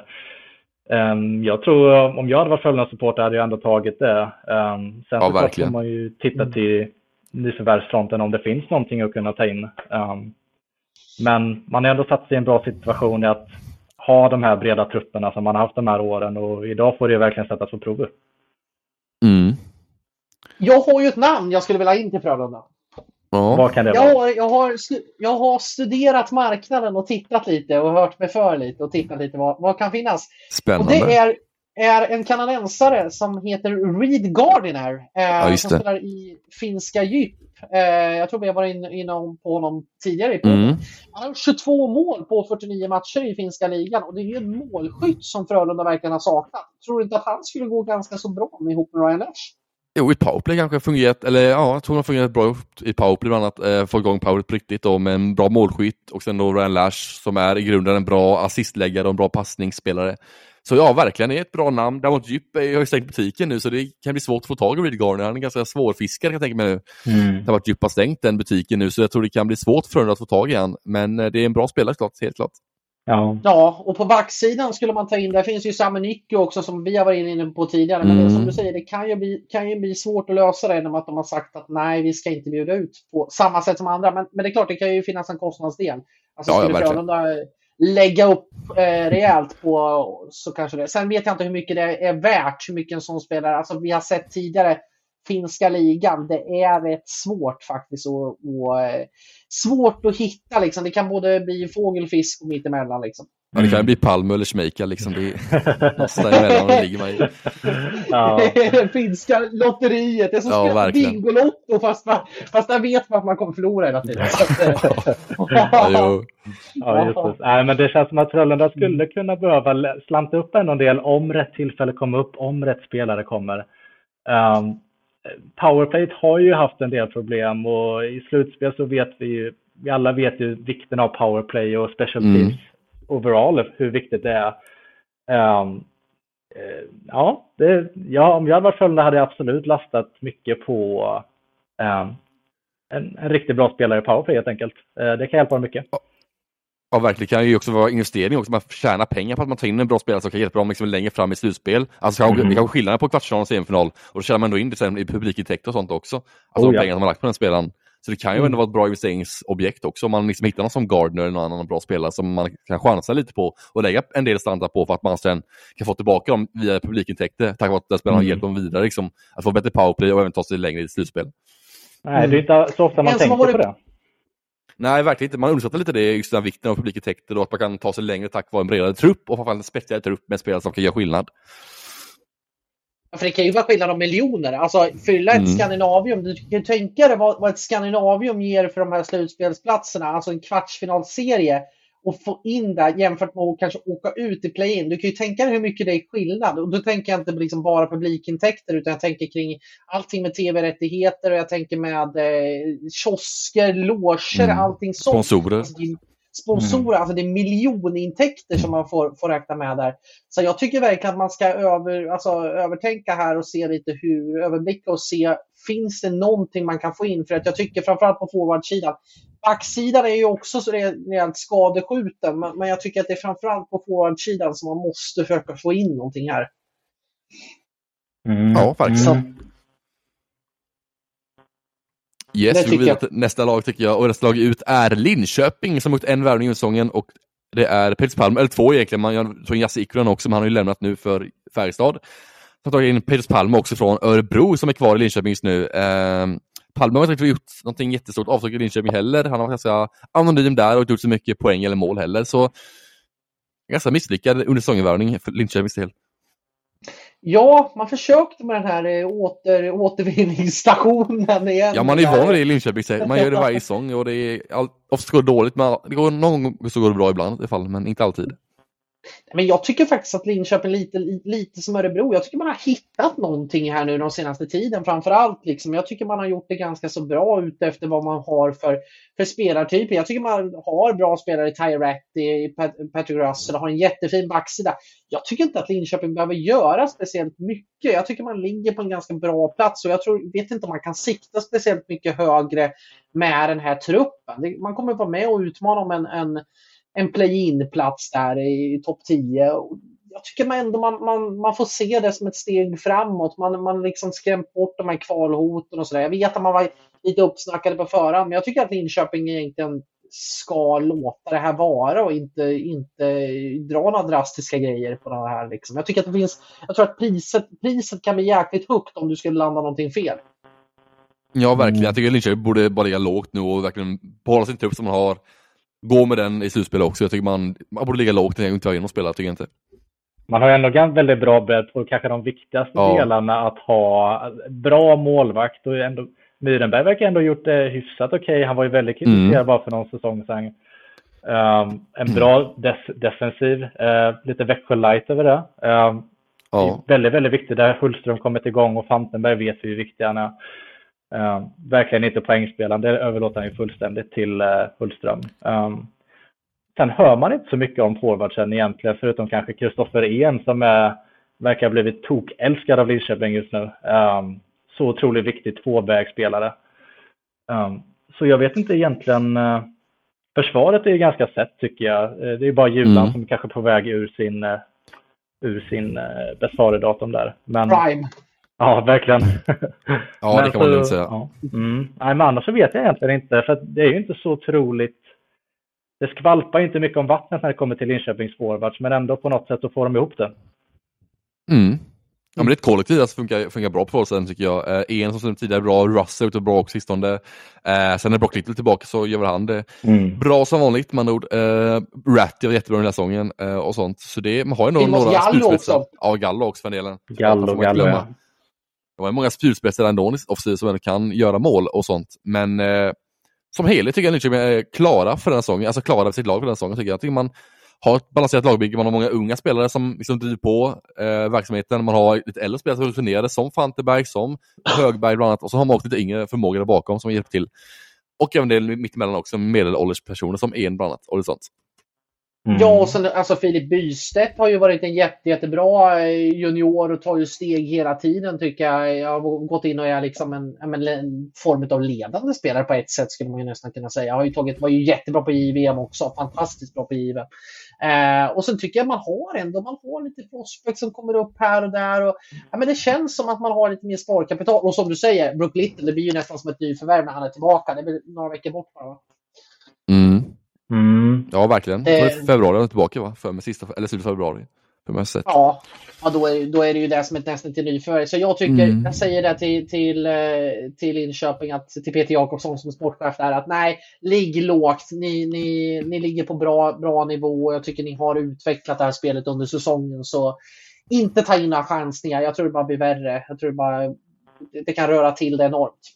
Ja, verkligen det var ju väldigt, väldigt stort nyckelår för Linköping i år, minst sagt. För om man ska kolla, det finns ju de här jojo-lagen såklart som åkt ner och upp, men sett till de här lite mer större etablerade klubbarna, då är det ju Linköping som med tiden varit där nere 11, 12, 10 kanske mm. i de bättre förhållandena. Um, och just med den här säsongen som är så pass jämn, där egentligen vilka som helst kan åka ur. HV vet ju verkligen hur det var att åka ur Djurgården förra året. Linköping har egentligen varit närmare de flesta åren när både HV och Djurgården åker ut. Och, men de, de har ju inte de största ekonomiska musklerna och ja, minst sagt ett nyckel-nyckelår för det blir ju, vi ser effekterna nu, Djurgården inte riktigt hänger med i Hockeyallsvenskan till exempel och kunna ta sig upp och jag tror Linköping hade kunnat eh, se ännu värre ut om de hade åkt ut i sådana fall. Så ja. imponerande att ta sig igenom det här året.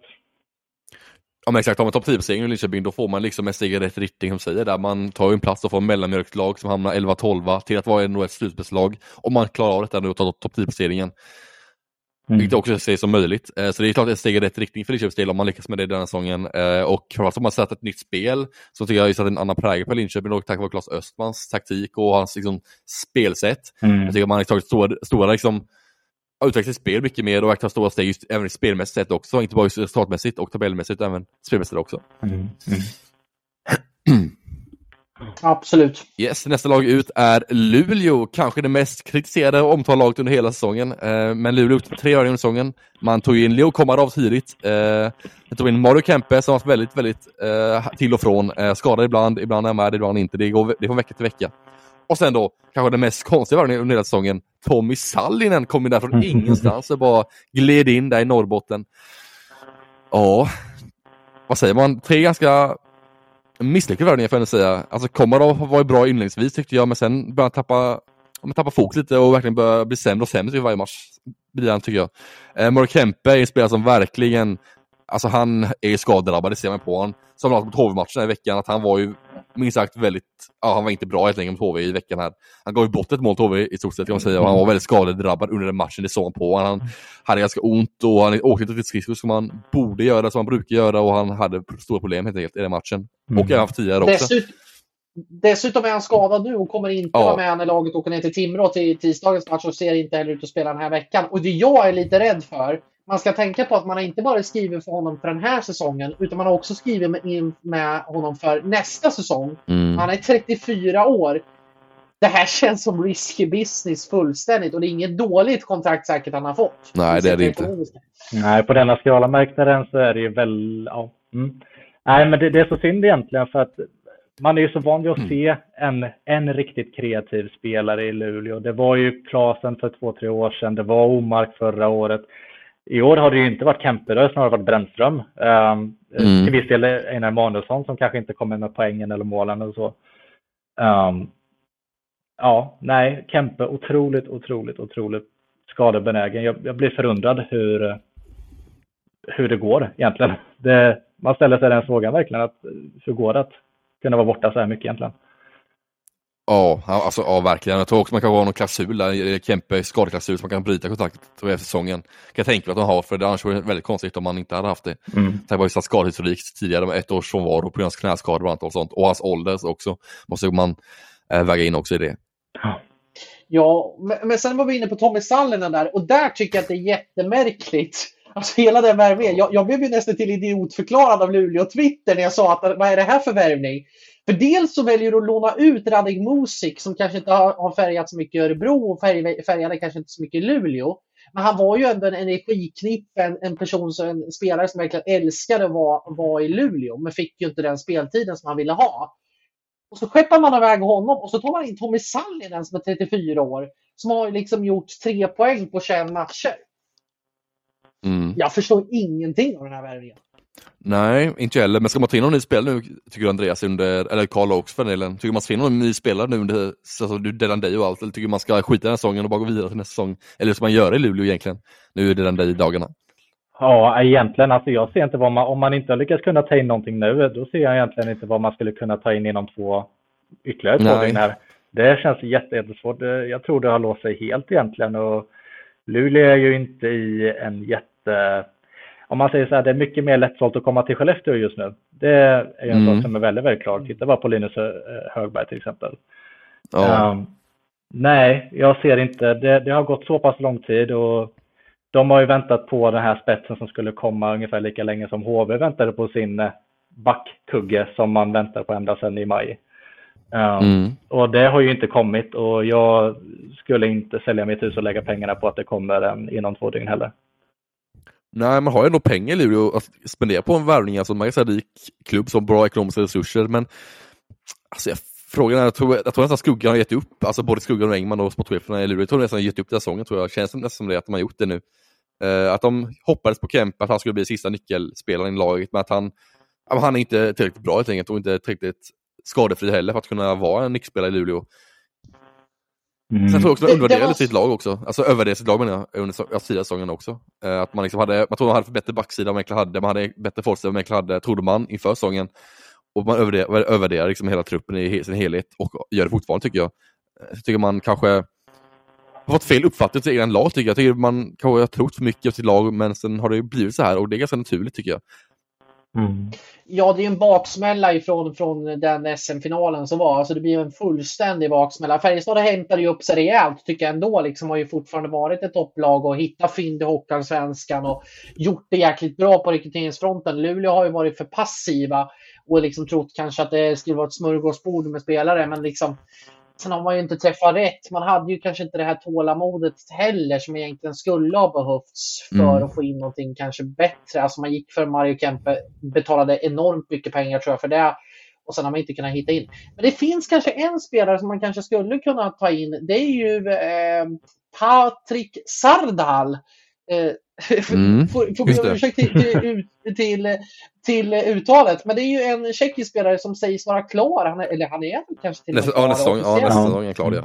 till, till, eh, till Luleå. En tjeckisk 27-årig spelare som har gjort eh, 26 poäng på 45 matcher för eh, HC Litvinov i tjeckiska ligan. Har ju varit en del på landslagssammanhang också.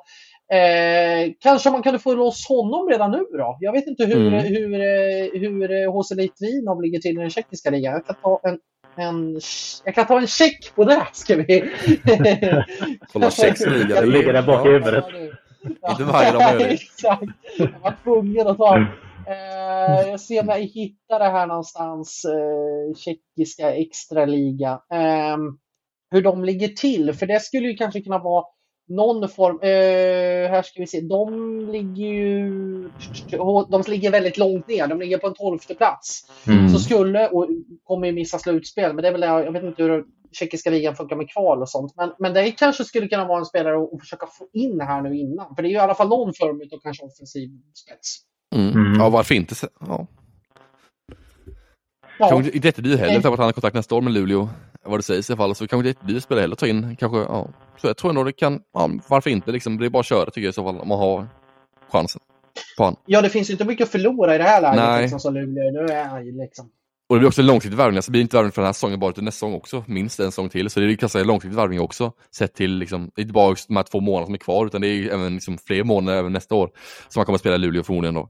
Så det är liksom, ja, ta in han nu, få han, alltså få han redan in i SHL-miljön nu tycker jag är bra, så han får lära sig lite hur SHL fungerar nu.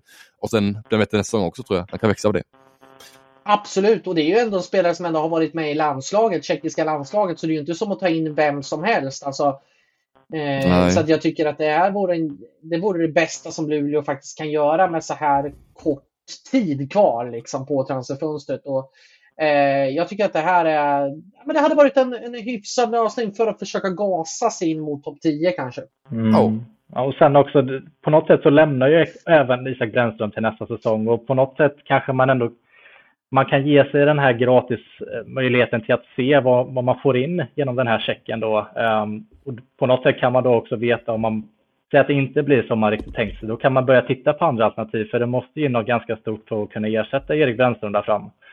Ehm, då slipper man ta den chansningen att man lägger alla pengar eller man lägger all tilltro på den här checken inför nästa säsong. Ehm, då kan man få Ja. ett kvitto nu på hur han är i SHL om man behöver få in någonting annat för Brännström. Ja, verkligen. Också lite Ja. vilka man passar på att spela ihop, men också man måste ha en stor, bre- stor spelare bredvid honom, man måste kanske ha en snabb spelare bredvid honom. Det kan man också se tack vare man ser en SHL-miljö. Mm. Ska man också bättre uppfattning om vad man kan varva in nästa säsong också. Om man får in honom liksom direkt i SHL-miljön, se vad han är bra på på SHL-nivå, och man behöver addera till till hans kedja nästa år också, Mm. och så vidare. Absolut. Så att, eh, ja, jag tycker utefter förutsättningarna som just är, så försök att ta in honom redan nu. Det är i alla fall någonting som du, du kan göra. Yes, nästa lag ut är Leksand då. Det är bara två lag kvar nu, sen är vi klara. Och Leksand, Leksand har sagt, har ju tagit två varvningar under säsongen. Petzelarik, klar nyligen då för Leksands del. Lukas Elmnes var spelare man tog från Hockeyet tidigare under säsongen. Så det är två varvningar som kommit in till Leksand den här säsongen. Eh, än så länge då. Mm. Precis. Vad tycker ni om Ja. Lukas Elvenes eh, värvningen där från HV då framförallt då? Eh, vad tycker du där Karl om den värvningen man tog från HV och, och tagit in till Leksand? Ja, det, det var en otroligt, otroligt intressant värvning när HV först tog in honom. Det var Ja, Det kom, det kom ju samma dag, Mr. Madhawk, tror jag, som rapporterade. Och man, ja, det kittlade till i magen minst sagt. Man minns ju bara från i JVM att han kunde, ja, han hade någonting extra i sig. Eh, men så fick han ju en knäskada om jag inte minns fel i träningsmatcherna och så kom han inte riktigt in i det och så började de här ryktena då florera om att han var inte tillräckligt bra tränad och så vidare. Ehm, jag tror inte jag kan kommentera vidare just på det huruvida bra tränare han var, men bara utifrån de Leksandsmatcher jag sett, han är ju inte supersnabb på skridskorna och så här. Han är ändå en ganska ung kille och han är inte superstor heller, men det går inte jättefort. Och, nej, det är kul för att han har uh, kommit in i Leksand mycket bättre i alla fall än vad han gjorde i HV. Ja, fick ju en annan roll där i Leksand än han fick i HT1. Han fick inte så mycket förtroende inledningsvis. Samtidigt fick han inte, alltså det var ju lite otur med skadan som där på försäsongen och sånt, så han kom aldrig riktigt in i det HT känns som. Han var alltid lite utanför och aldrig fick, han fick aldrig chansen dels, men när han väl fick chansen så han tog chansen ordentligt heller. Så det var lite blandning där. Nej, precis. Och det var inte direkt en Kirby Reichel situation tror jag som Örebro hade för några år sedan. Ehm, jag tror inte det var så pass illa, men jag tror man förväntar sig någonting annat mer kanske när det kommer en svensk spelare. Vi vet, han vet ju ändå vad som väntar här i SHL och så vidare. Ehm, mm. Jag vet inte, Andreas kanske kan flika in mer på den situationen. Nej, men Kirby Reichel var ju, det var ju ett extrem situation nästan till. Alltså, det var väldigt mycket och väldigt många faktorer som gjorde så att han sparkades ganska. Kom ju med enorma meriter. Han var ju ett första draftval. Det här är inför säsongen 2019-20 om jag inte är helt fel. Mm. Eh, och kom ju in med liksom enorma meriter. Sen var det det att han kom ju alltså med 10 kilos övervikt och sen hade han någon form av medicin eh, av något slag som, gjorde, som påverkade hans humör. Mm. Eh, som gjorde att den medicinen var inte klassad i Sverige. Så du fick inte spela med den i Sverige. Så att han, han liksom, dels så mådde han ju inget bra. Mm. Och sen var det det att han, så, så, det var ju mer sådana faktorer som gjorde att han inte blev kvar här, att han drog till Ryssland. Och nu tror jag han har lagt av hockeykarriären faktiskt, om jag inte helt fel. Mm. Eh, så det har inte varit på den nivån. Alltså, det, det, var ju otroligt, otroligt dålig research också av Örebro i, i, i det här fallet också, att man inte visste det här innan. Eh, men jag tycker framförallt Elvenäs har ändå gjort 8 mål och 12 eh, Assist. assister. Det får man ändå mm. komma ihåg. Det är ändå 20 poäng som han har mm. levererat. Och jag tycker att han har växt mer och mer under säsongen. För jag var ganska tveksam till att åh, ska han gå in och färga där och såg ganska blek ut under hösten. Men alltså senaste tiden tycker jag att han har varit en av Leksands ja, en positiv injektion i ett Leksand som har gått upp och ner. Ja, verkligen. Kan bli bra nästa år tror jag för Leksands Han har kontakt två år till med Leksand, så han kan bli bra nästa år tror jag. Få start. Man får hålla sig skadefri och få träna ordentligt nu i sommar. Verkligen, ja, få bygga upp sin kropp igen. Eh, jag tror han kan bli bra då när han väl gjort det. Mm, mm. På något sätt kanske han kan... Ja, förlåt. Nej, fortsätt du. Fortsätt. Ja, nej då. Nej, men på något sätt, han är inte camper-liknande i spelsätt, men på något sätt så letar de ju och kommer ju kanske behöva ta in någonting. Nu är ju mer Petter Svare kanske direkta mm. ersättaren till Camper, men man, man, om man är Leksand så är man, det är ju väldigt konstigt om de inte testar att köra upp Rivik och Cehlárik och sen då en till. Camper kommer ju inte vara kvar nu. Um, Nej, han har ju lämnat nu. Precis, och jag vet inte om eh, Elvenes skulle kunna liksom hoppa upp ett steg där eller om förutsatt att Lang är kvar, att han skulle gå in där. Det känns som att det finns liksom lite luckor i toppkedjorna som Elvenäs skulle kunna ta en mer etablerad plats i kommande säsong. Ja, verkligen. Det är mycket upp till han att verkligen ta chansen nu och verkligen visa att han är toppspelare på SHL-nivå och eh, ja, jag tror att han kan göra det bra tillsammans med Rivik och Celark i förstakedja. Eh, så det är intressant att följa Celark här, hans intåg nu i Leksand och se vad han kan påverka i Leksand och vad vi gör, alltså, men hur var han på SHL-nivå just nu? Han var ju i Schweiz nyss, floppat lite Schweiz. Lite stuga självförtroende kanske också, kommer till SHL nu, får se lite vad han kan leverera nu direkt i SHL. Ja, ja. Så det är intressant att följa han intåg. Verkligen. Men vad tycker ni om att man gör sig av med Carter eh, Camper och tar in Cehlárik? Vad säger ni om liksom det bytet som ändå blir? För de, de går väl till samma klubb också? Ja, det, exakt. Mm. Det är en trade kan man säga. Ja. Ja. Ja. Väldigt konstigt tycker jag ändå för att eh, på så, så varmt som Leksand har tagit in Carter Camper och Carter Camper tagit in Leksand och hela bygden där. Um, att göra sig, jag vet inte om det var make or break, eh, alltså själva dealen där med Tog, att de var tvungna att ta in Camper eh, eller om de bara, om de, eller om det hade rätt att, räckt att de gav någon pengasumma för att kunna få Cehlárik.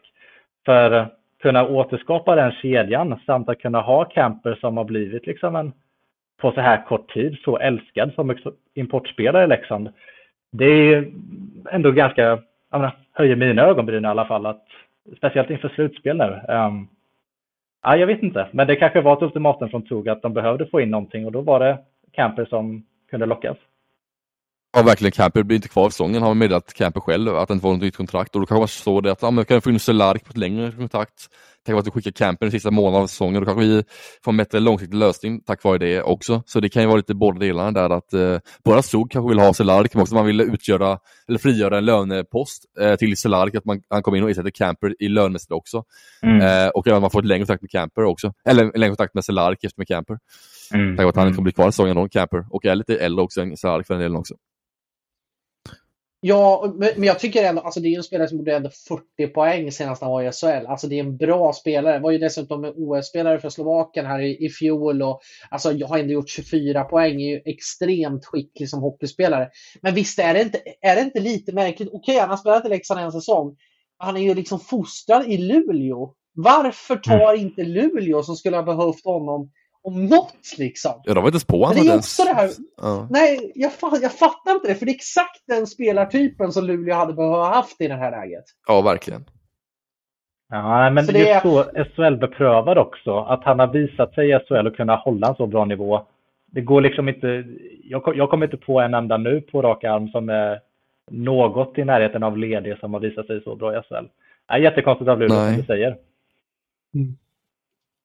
Ja, verkligen. Men, men, men från, för Leksands del, alltså få, få in honom tillsammans med Rivik här nu. Rivik som har haft lite struligt med skador och lite sånt. Och vi vet ju inte riktigt när han är, han är, tillbaka. Och, Nej. alltså, eh, jag tror ändå att det kan, kan bli jäkligt bra att få in honom. Alltså han är 27 år och skriver ett kontrakt till 25-26, alltså 2025-2026.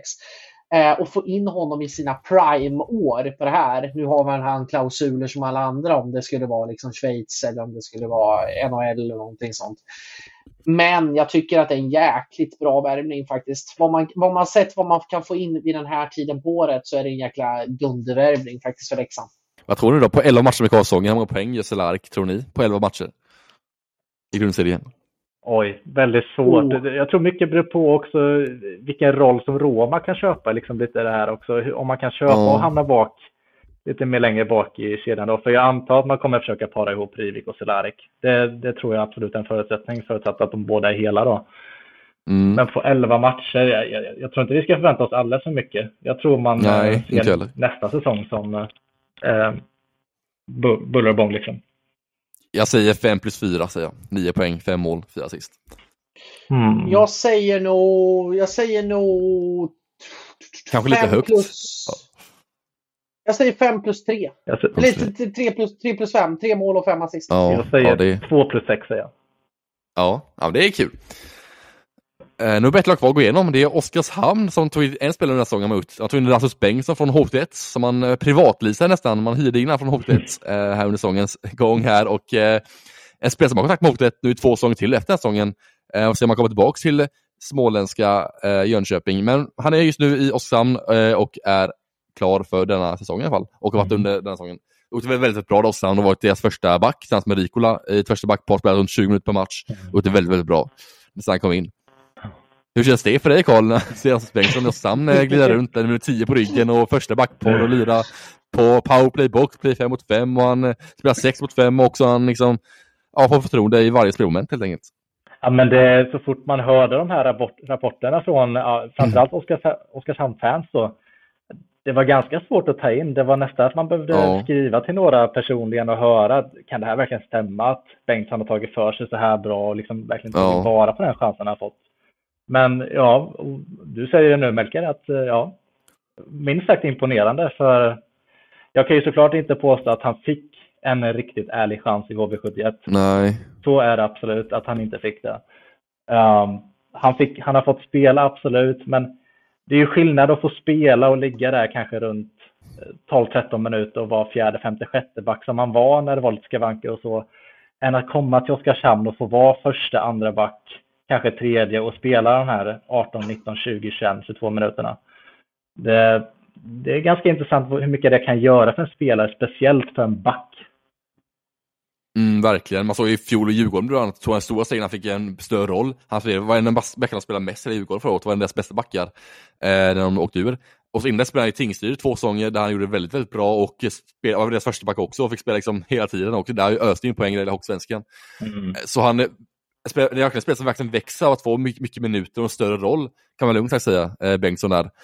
Eh, det var kul första veckan han var i Oskarshamn, då tog de tre av tre vinster första veckan när han kom till Oskarshamn. Det var också kul. Eh, så, alltså, och han var, han var helt magisk den veckan också. Alltså, han är inte bara spelare som gör poäng eller som liksom, transporterar pucken på ett bra sätt, han är även spelare som, alltså egen zon är väldigt lugn och trygg med pucken. Det verkar väldigt tidigt att han var en spelare som hela tiden vill spela ut situationerna, hela tiden hitta liksom så här enkla passningar, så det spelar, spelar väldigt enkelt gör han. Inga krusiduller, ingen dribbling, utan det är så här, ja, ta pucken, den, bra första pass och verkligen ut sin egen zon på ett bra och lugnt sätt tycker jag. Det är väldigt förvånande tycker jag, när jag såg honom direkt och sen. Mm. Väldigt intressant att se hur Nubben ska lösa det här till nästa år, för vi gick igenom HVs Ja. backsida innan och det är ju ganska, inte tjockt, men det är många som vill, man skulle vilja ha kvar och sen Strålman på väg in kanske, kanske Pilot på väg in, sen kanske någon annan spelare som vi inte har hört talas om eller. Um, Ja. Det skulle kunna lösa sig ganska bra här mellan parterna förutsatt att Oskarshamn skulle vilja ha kvar honom. Det har jag ingen aning om, men det är en liten spaning kanske i sådana fall. Mm. Ja, verkligen. Um, intressant att följa vad som händer med Bengtsson. Jag tror också att är ta en, eller ja, jag vet att Oskarshamn har tittat på honom tidigare, han spelade Tingsryd bland annat. Och eh, Mm. han spelade Tingsryd tillsammans med måltränaren där, Micke Sandberg, som hade i Tingsryd också. Så han känner ju Bengtsson väldigt bra tidigare, jag har ju Fröberg och haft koll på tidigare och velat värva in tidigare också. Jag tror det är helt omöjligt att man vill alltså, värva in honom på längre kontrakt än bara den här säsongen. Man vill ta över hela kontraktet, kan jag tänka mig att man vill göra. I Oskarshamns del. Mm. Men vad tror ni här inför deadline day då? Kan Thomas Braskaminen Fröberg hitta på någonting? Ta in en ny Max då kanske? ja du, alltså. Nej. Kan, kan han hitta någonting? Det blev ju för, för två eller tre år sedan tog de in JC Lippon, någon kanadensisk forward från Dinamo Riga på transfer deadline day Mm. i typ med tio minuter kvar av fönstret. Ja. Finns det någonting som, som Braskaminen Fröberg kan hitta på? Alltså de stängde ju dörren nu här, igår tror jag det var till Hockey News sa han att de eh, ska stänga dörren och inte kommer vara in och spela nu med tanke på att Blaine Byrons start har blivit bättre sett till hans skada och sånt och även att Somela ska, eh, blev inte skadad, eller ja, kan spela också nästa vecka. Eh, han hade lite skad, skadeskavank här under veckans gång i Finland men nu kan vara tillbaka i träning och även i match nästa vecka. Eh, eller den här veckan som kommer nu är det ju förresten, det är måndag då ju. Så det ska bli intressant att följa här vad Oskar vill att göra. Jag tror inte att vi kommer göra någonting alls. Det känns inte som att de kommer göra någonting alls här av Fröbergs uttal. Man vet aldrig heller vad de kommer... Alltså, och Fröberg har alltid några S i rockärmen, så jag vet aldrig riktigt vad han tänker med. Eller vad han tänker på, rätt sagt. Så jag vet aldrig, aldrig vad som händer där. Det kan hända vad som helst helt enkelt. Nej, Vet du vad han sa på den, den, den, den deadline day-chatten när jag ringde upp honom? Jag hade ju en chatt då också, eller jag hade Ja. en ensam då, eh, för två, två år sedan är det här då. Då sa han att det var ungefär 10% att de skulle göra en värvning under deadline day. Ja, Två timmar senare skrev Jason Limpon på. ja exakt. Alltså, Som är, Fröberg är lurig, alltså han luras nu. Han är medietränare nu också. Han är svår att läsa av nu faktiskt. Igen. Jösses gamle Fröberg. Ja, om det är någon som kan göra det, säg att de skulle varva. Om det är någon som det blir success för, då, då lär det ju vara Fröberg. Um, men jag Ja. tänkte fråga dig Melker, det är väldigt intressant. Alltså, Mm. på något sätt så är det ju Oskarshamn, de behöver på något sätt inte den här bredden som andra lag verkligen, verkligen behöver. De klarar sig ganska bra utan, så det är väl kanske ändå inte egentligen så. De har ju sagt att de kommer Nej. stänga dörren nu, men de behöver kanske inte värva lika mycket ändå. Nej, alltså backsidan är ju klar, ser jag den som. Alltså man har nio backar och det är ju, tycker jag, egentligen en back för mycket, men man har ju en bred backsida. Målsidan är man klar också, då har man ju två bra målvakter, som också registrerat Emil Kruse från Västervik som tredje målvakt. Så målsidan är klar också, det är forwardsidan i så fall. Alltså det tycker jag är en center i så fall man skulle behöva. Eh, en mer breddcenter i så fall man hade behövt, för att eh, få lite mer rutin i laget och få lite mer, liksom, ja, större bredd i laget. Men samtidigt tycker jag inte, det är inte jätteviktigt heller att få in en sån spelare. Jag tycker nästan det är bättre att spara pengar till nästa säsong eh, och vara en bättre spelare nästa säsong från start. Tycker jag. Så jag tycker man borde ligga lågt och fram och inte dra in någon alls. De har ändå Alltså Oskarshamn är ett lag som aldrig blir skadade heller. Alltså, de har faktiskt inga skador i säsongen heller. Det är också lite anm- anmärkningsvärt. Den här säsongen har haft typ två, tre skador bara. Blaine Byron var skadad. Sen har haft, ja, lite andra skador än Blaine Byron egentligen. Så har haft så, långa skador heller. Så det är bara en skada den här säsongen har haft, egentligen så.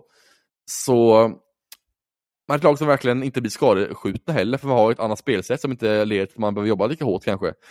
Och som gör att man inte blir så skadedrabbade heller. Så man har kanske inte jättestor behov att ta in en spelare för just den här kommande risken att bli skadad. För jag tror inte man kommer att bli så mycket skadade heller. Tänk på just det spelstil man har och just det, ja, det förflutna man har, att man inte får så mycket skador heller.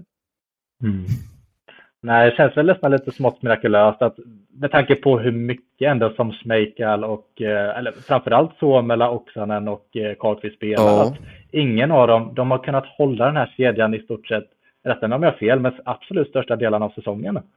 Hela säsongen, ja. Ja, att det Från är helt till otroligt. mål. Liksom. Ja, det är liksom varje match spelat tillsammans. Sen, försäsongen startade helt enkelt. Och sen hela säsongen då, från omgång 1 till omgång ja, 42 nu. De kommer hålla i detta hela säsongen ut helt enkelt. Men också Byron blir som ett nyfärd också, kommer tillbaka tror jag. För Blade Byron var ju, har ju borta en stor del nu. Eh, var bra när han, han är bra ibland och ibland så är han lite osynlig. Men han är ju en bra spelare tycker jag i grunden och en kvalitetsspelare som kommer kunna addera in kvalitet i detta laget nu eh, i slutet av säsongen när han kommer tillbaka för sin skada. Mm. Så jag tycker man borde ligga lågt. Ja, det ska bli intressant att se alltså, Oskarshamn, alltså vilken, vilken säsong. Alltså, jag är helt, Thomas Röberg ska ju bara typ avgudas efter ja. den här typen av rekrytering. Alltså, det är ju helt otroligt hur, hur Oskarshamn har, har gjort det. Och allting annat blir ju en bonus. Alltså det här laget blir, har ju liksom alla kvalhot är bara bortblåsta. Mm. Allting är liksom, man är, man är mer närmare på, på en topp 6-placering och aspirerar på det. Alltså man har ju sån jäkla, måste vara ett sån jäkla go i det här laget. Ja, det är nog harmonisk stämning jag tänker mig, eller det där harmonisk stämning är det. Man ser på träningarna, Somra åker runt och skrattar på träningar, jag Somra, han är alltid glad. Eh, och sen liksom, de, skjuter puckar på varandra ibland och de, alltså Norell och Salomonsson kör så här, de kör alltid så här dueller mot varandra med, alltså, så här, dribblar mot varandra hela tiden varje träning också. Så, det är mycket harmoni i laget där, man gör lite vad man vill, känns som ibland, och liksom på ett bra sätt då. Och det är alltid harmoni och alltid bra stämning och glädje och ja, det skapar också trygghet spela. Ja, Oskarshamn måste vara det bästa laget med minst press på axlarna om man säger så. Det är ja. verkligen ett slagläge. Um, om, man, om, om man inte hade slagläge mot Rögle förra året som underdog, då har man det minst sagt i år. Ja, verkligen. Och ja, man kan nog bli farlig alltså, tror jag, om man kommer, uh, om man kommer till play-in. Jag tror man kommer göra. Det tror jag. Det tror jag också. Och även om man skulle hamna i play-in, alltså jag tror man slår både Linköping och Luleå som det är just nu. Alltså, Mm. Absolut. Jag ser inte att någon av de två lagen skulle kunna, faktiskt kunna matcha framförallt Oskarshamns offensiv mm. som är ju alltså sylvass som det special teamset, alltså sådana saker som brukar vara avgörande. Och väl där när man kommer i play-inet. Alltså, ja, det är... Att möta just kedjan liksom var, varannan dag i slutspelet tror jag kan bli mm. tufft för motståndarna. Alltså, möta de kedjorna liksom var, mm. varannan dag, så möta Schmeikels kraft och första leverans och så har man ändå en ja, men ändå gedigaste backsida nu. Quenville har tagit för sig, Mario Bengtsson som verkligen tar för sig, Rikla lika så. Och en målsida med Juel i spetsen med topp 5 i hela ligan just nu, regelprocent också, Juel. Så liksom, det är ju ett stabilt, gediget lag i sin helhet som verkligen blivit bättre under säsongens gång, tagit stora steg tillsammans och verkligen växt som grupp under säsongen också. Mm. Det, det, som är lite det är ju om man hamnar i play-inet, då får man ju Skellefteå eller Växjö en kvartsfinalserie. Det är jättebra att säga, för man, man har så lätt Växjö och Skellefteå, två lag man lätt för hela ligan. Man vinner alltid mot Skellefteå och Växjö har man inga problem mot heller. Jag tror man har vunnit två, tre matcher mot Växjö den här säsongen och Skellefteå har vunnit alla matcher utom en tror jag. Så Skellefteå och Växjö ja. har man väldigt lätt för egentligen. Men i slutspel blir det tufft klart. Det tror jag också. Jag, jag är inte dummare än så att jag tror det blir tufft mot de lagen i slutspel också.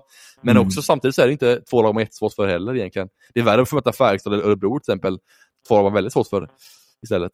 Mm. Mm. Ja, så, ja, det har du faktiskt rätt. Timrå likaså. Jag tror, jag tror att alltså, det laget som skulle vara ultimat att få möta för Oskarshamn, det är egentligen Frölunda typ, som är ganska så trubbiga framåt, har inte speciellt mycket, lite halvslarviga emellanåt. Oh. Alltså, där tror jag de hade haft en jäkligt bra chans faktiskt i en kvartsfinalserie. Eh, så att, eh, men nu går vi händelserna i förväg, de ska liksom mm. ta sig till till. Men ja, eh, alltså, Oskarshamn har allt att vinna och jag hade älskat att spela i ett sånt lag liksom, där man har ingen press, bara gå ut och köra. Det finns ingenting att förlora, vi bara är, har det kul. Jag möter nog hellre Växjö än Skellefteå i kvartsfinal också tror jag. Um, ja, men det tror jag. Dels för det geografiska.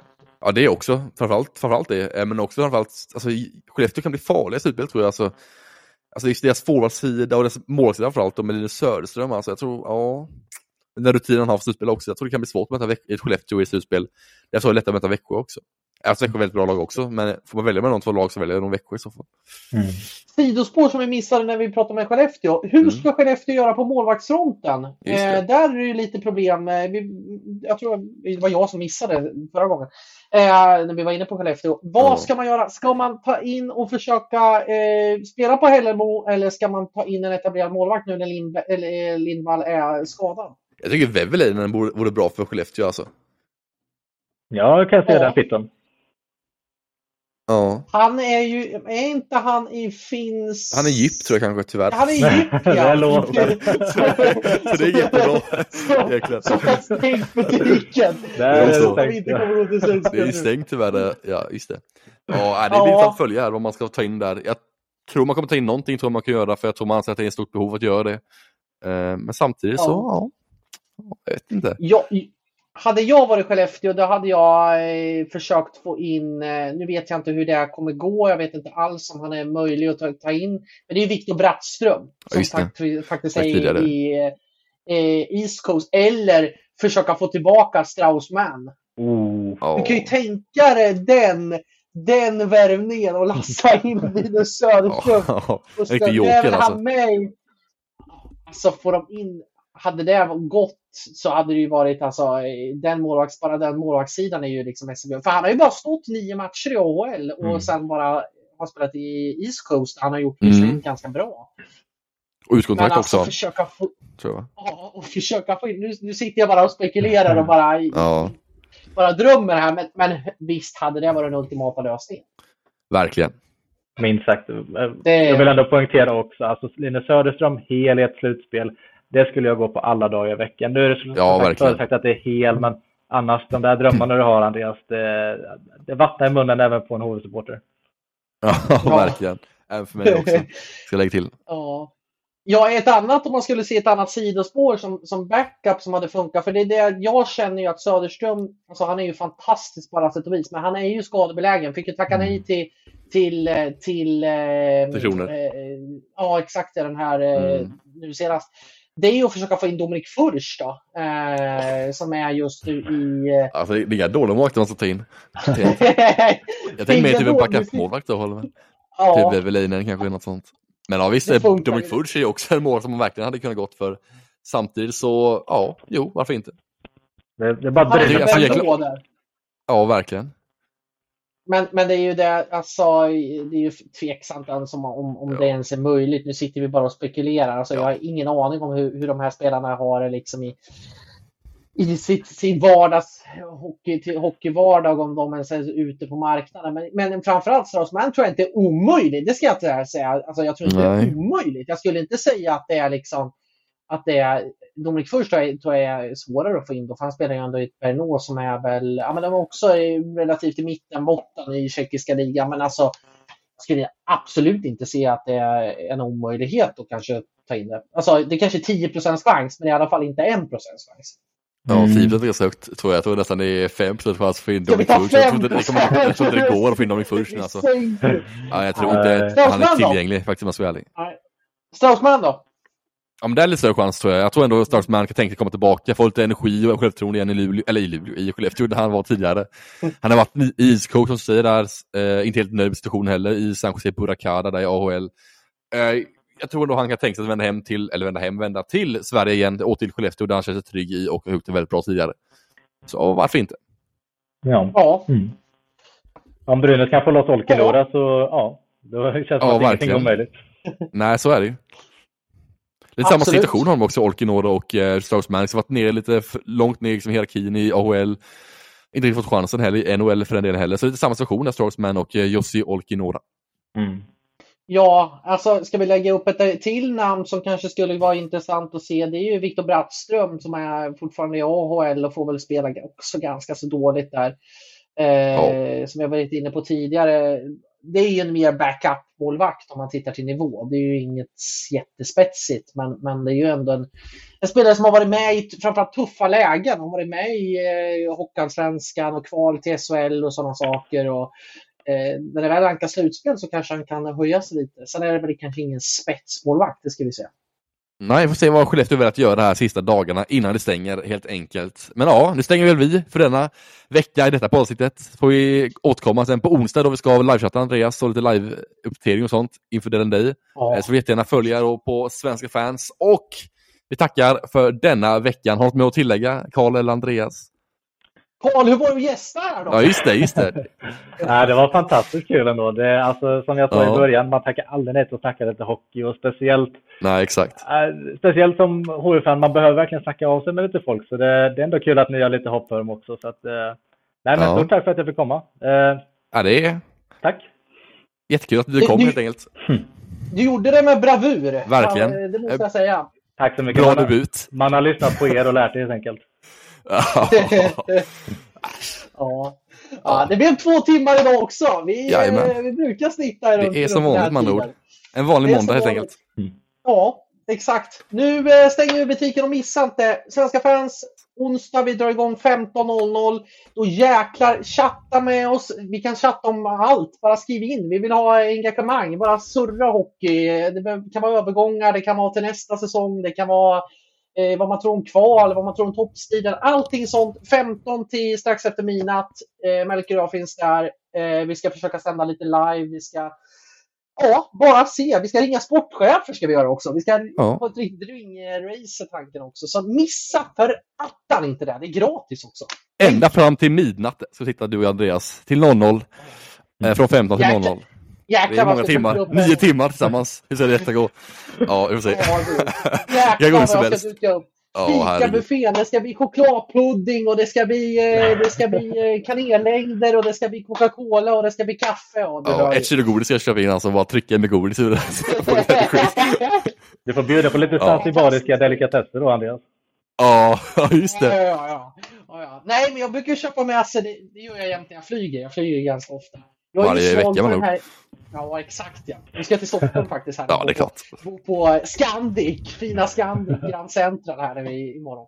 Nej, men i alla fall, då brukar jag köpa med sig de här, de här eh, eh, Milka-chokladerna. De finns ju inte i Sverige. Så senast när jag kom hem från Zanzibar, då köpte jag med mig två kilo Milka-choklad. Ja, det var inte illa. Blir det gymmet efteråt? jag, jag måste ju dra också en...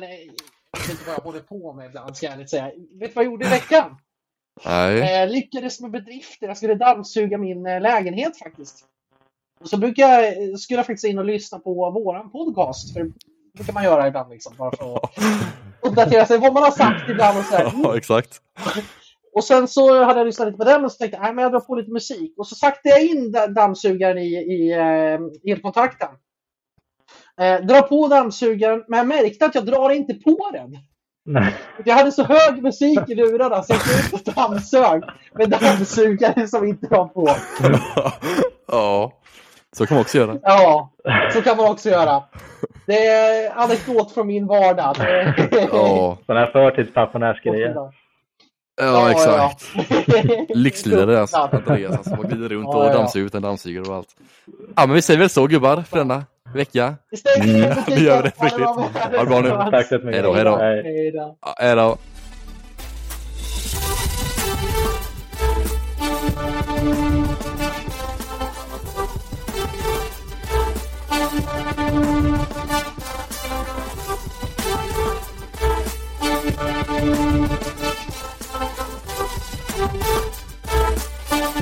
Música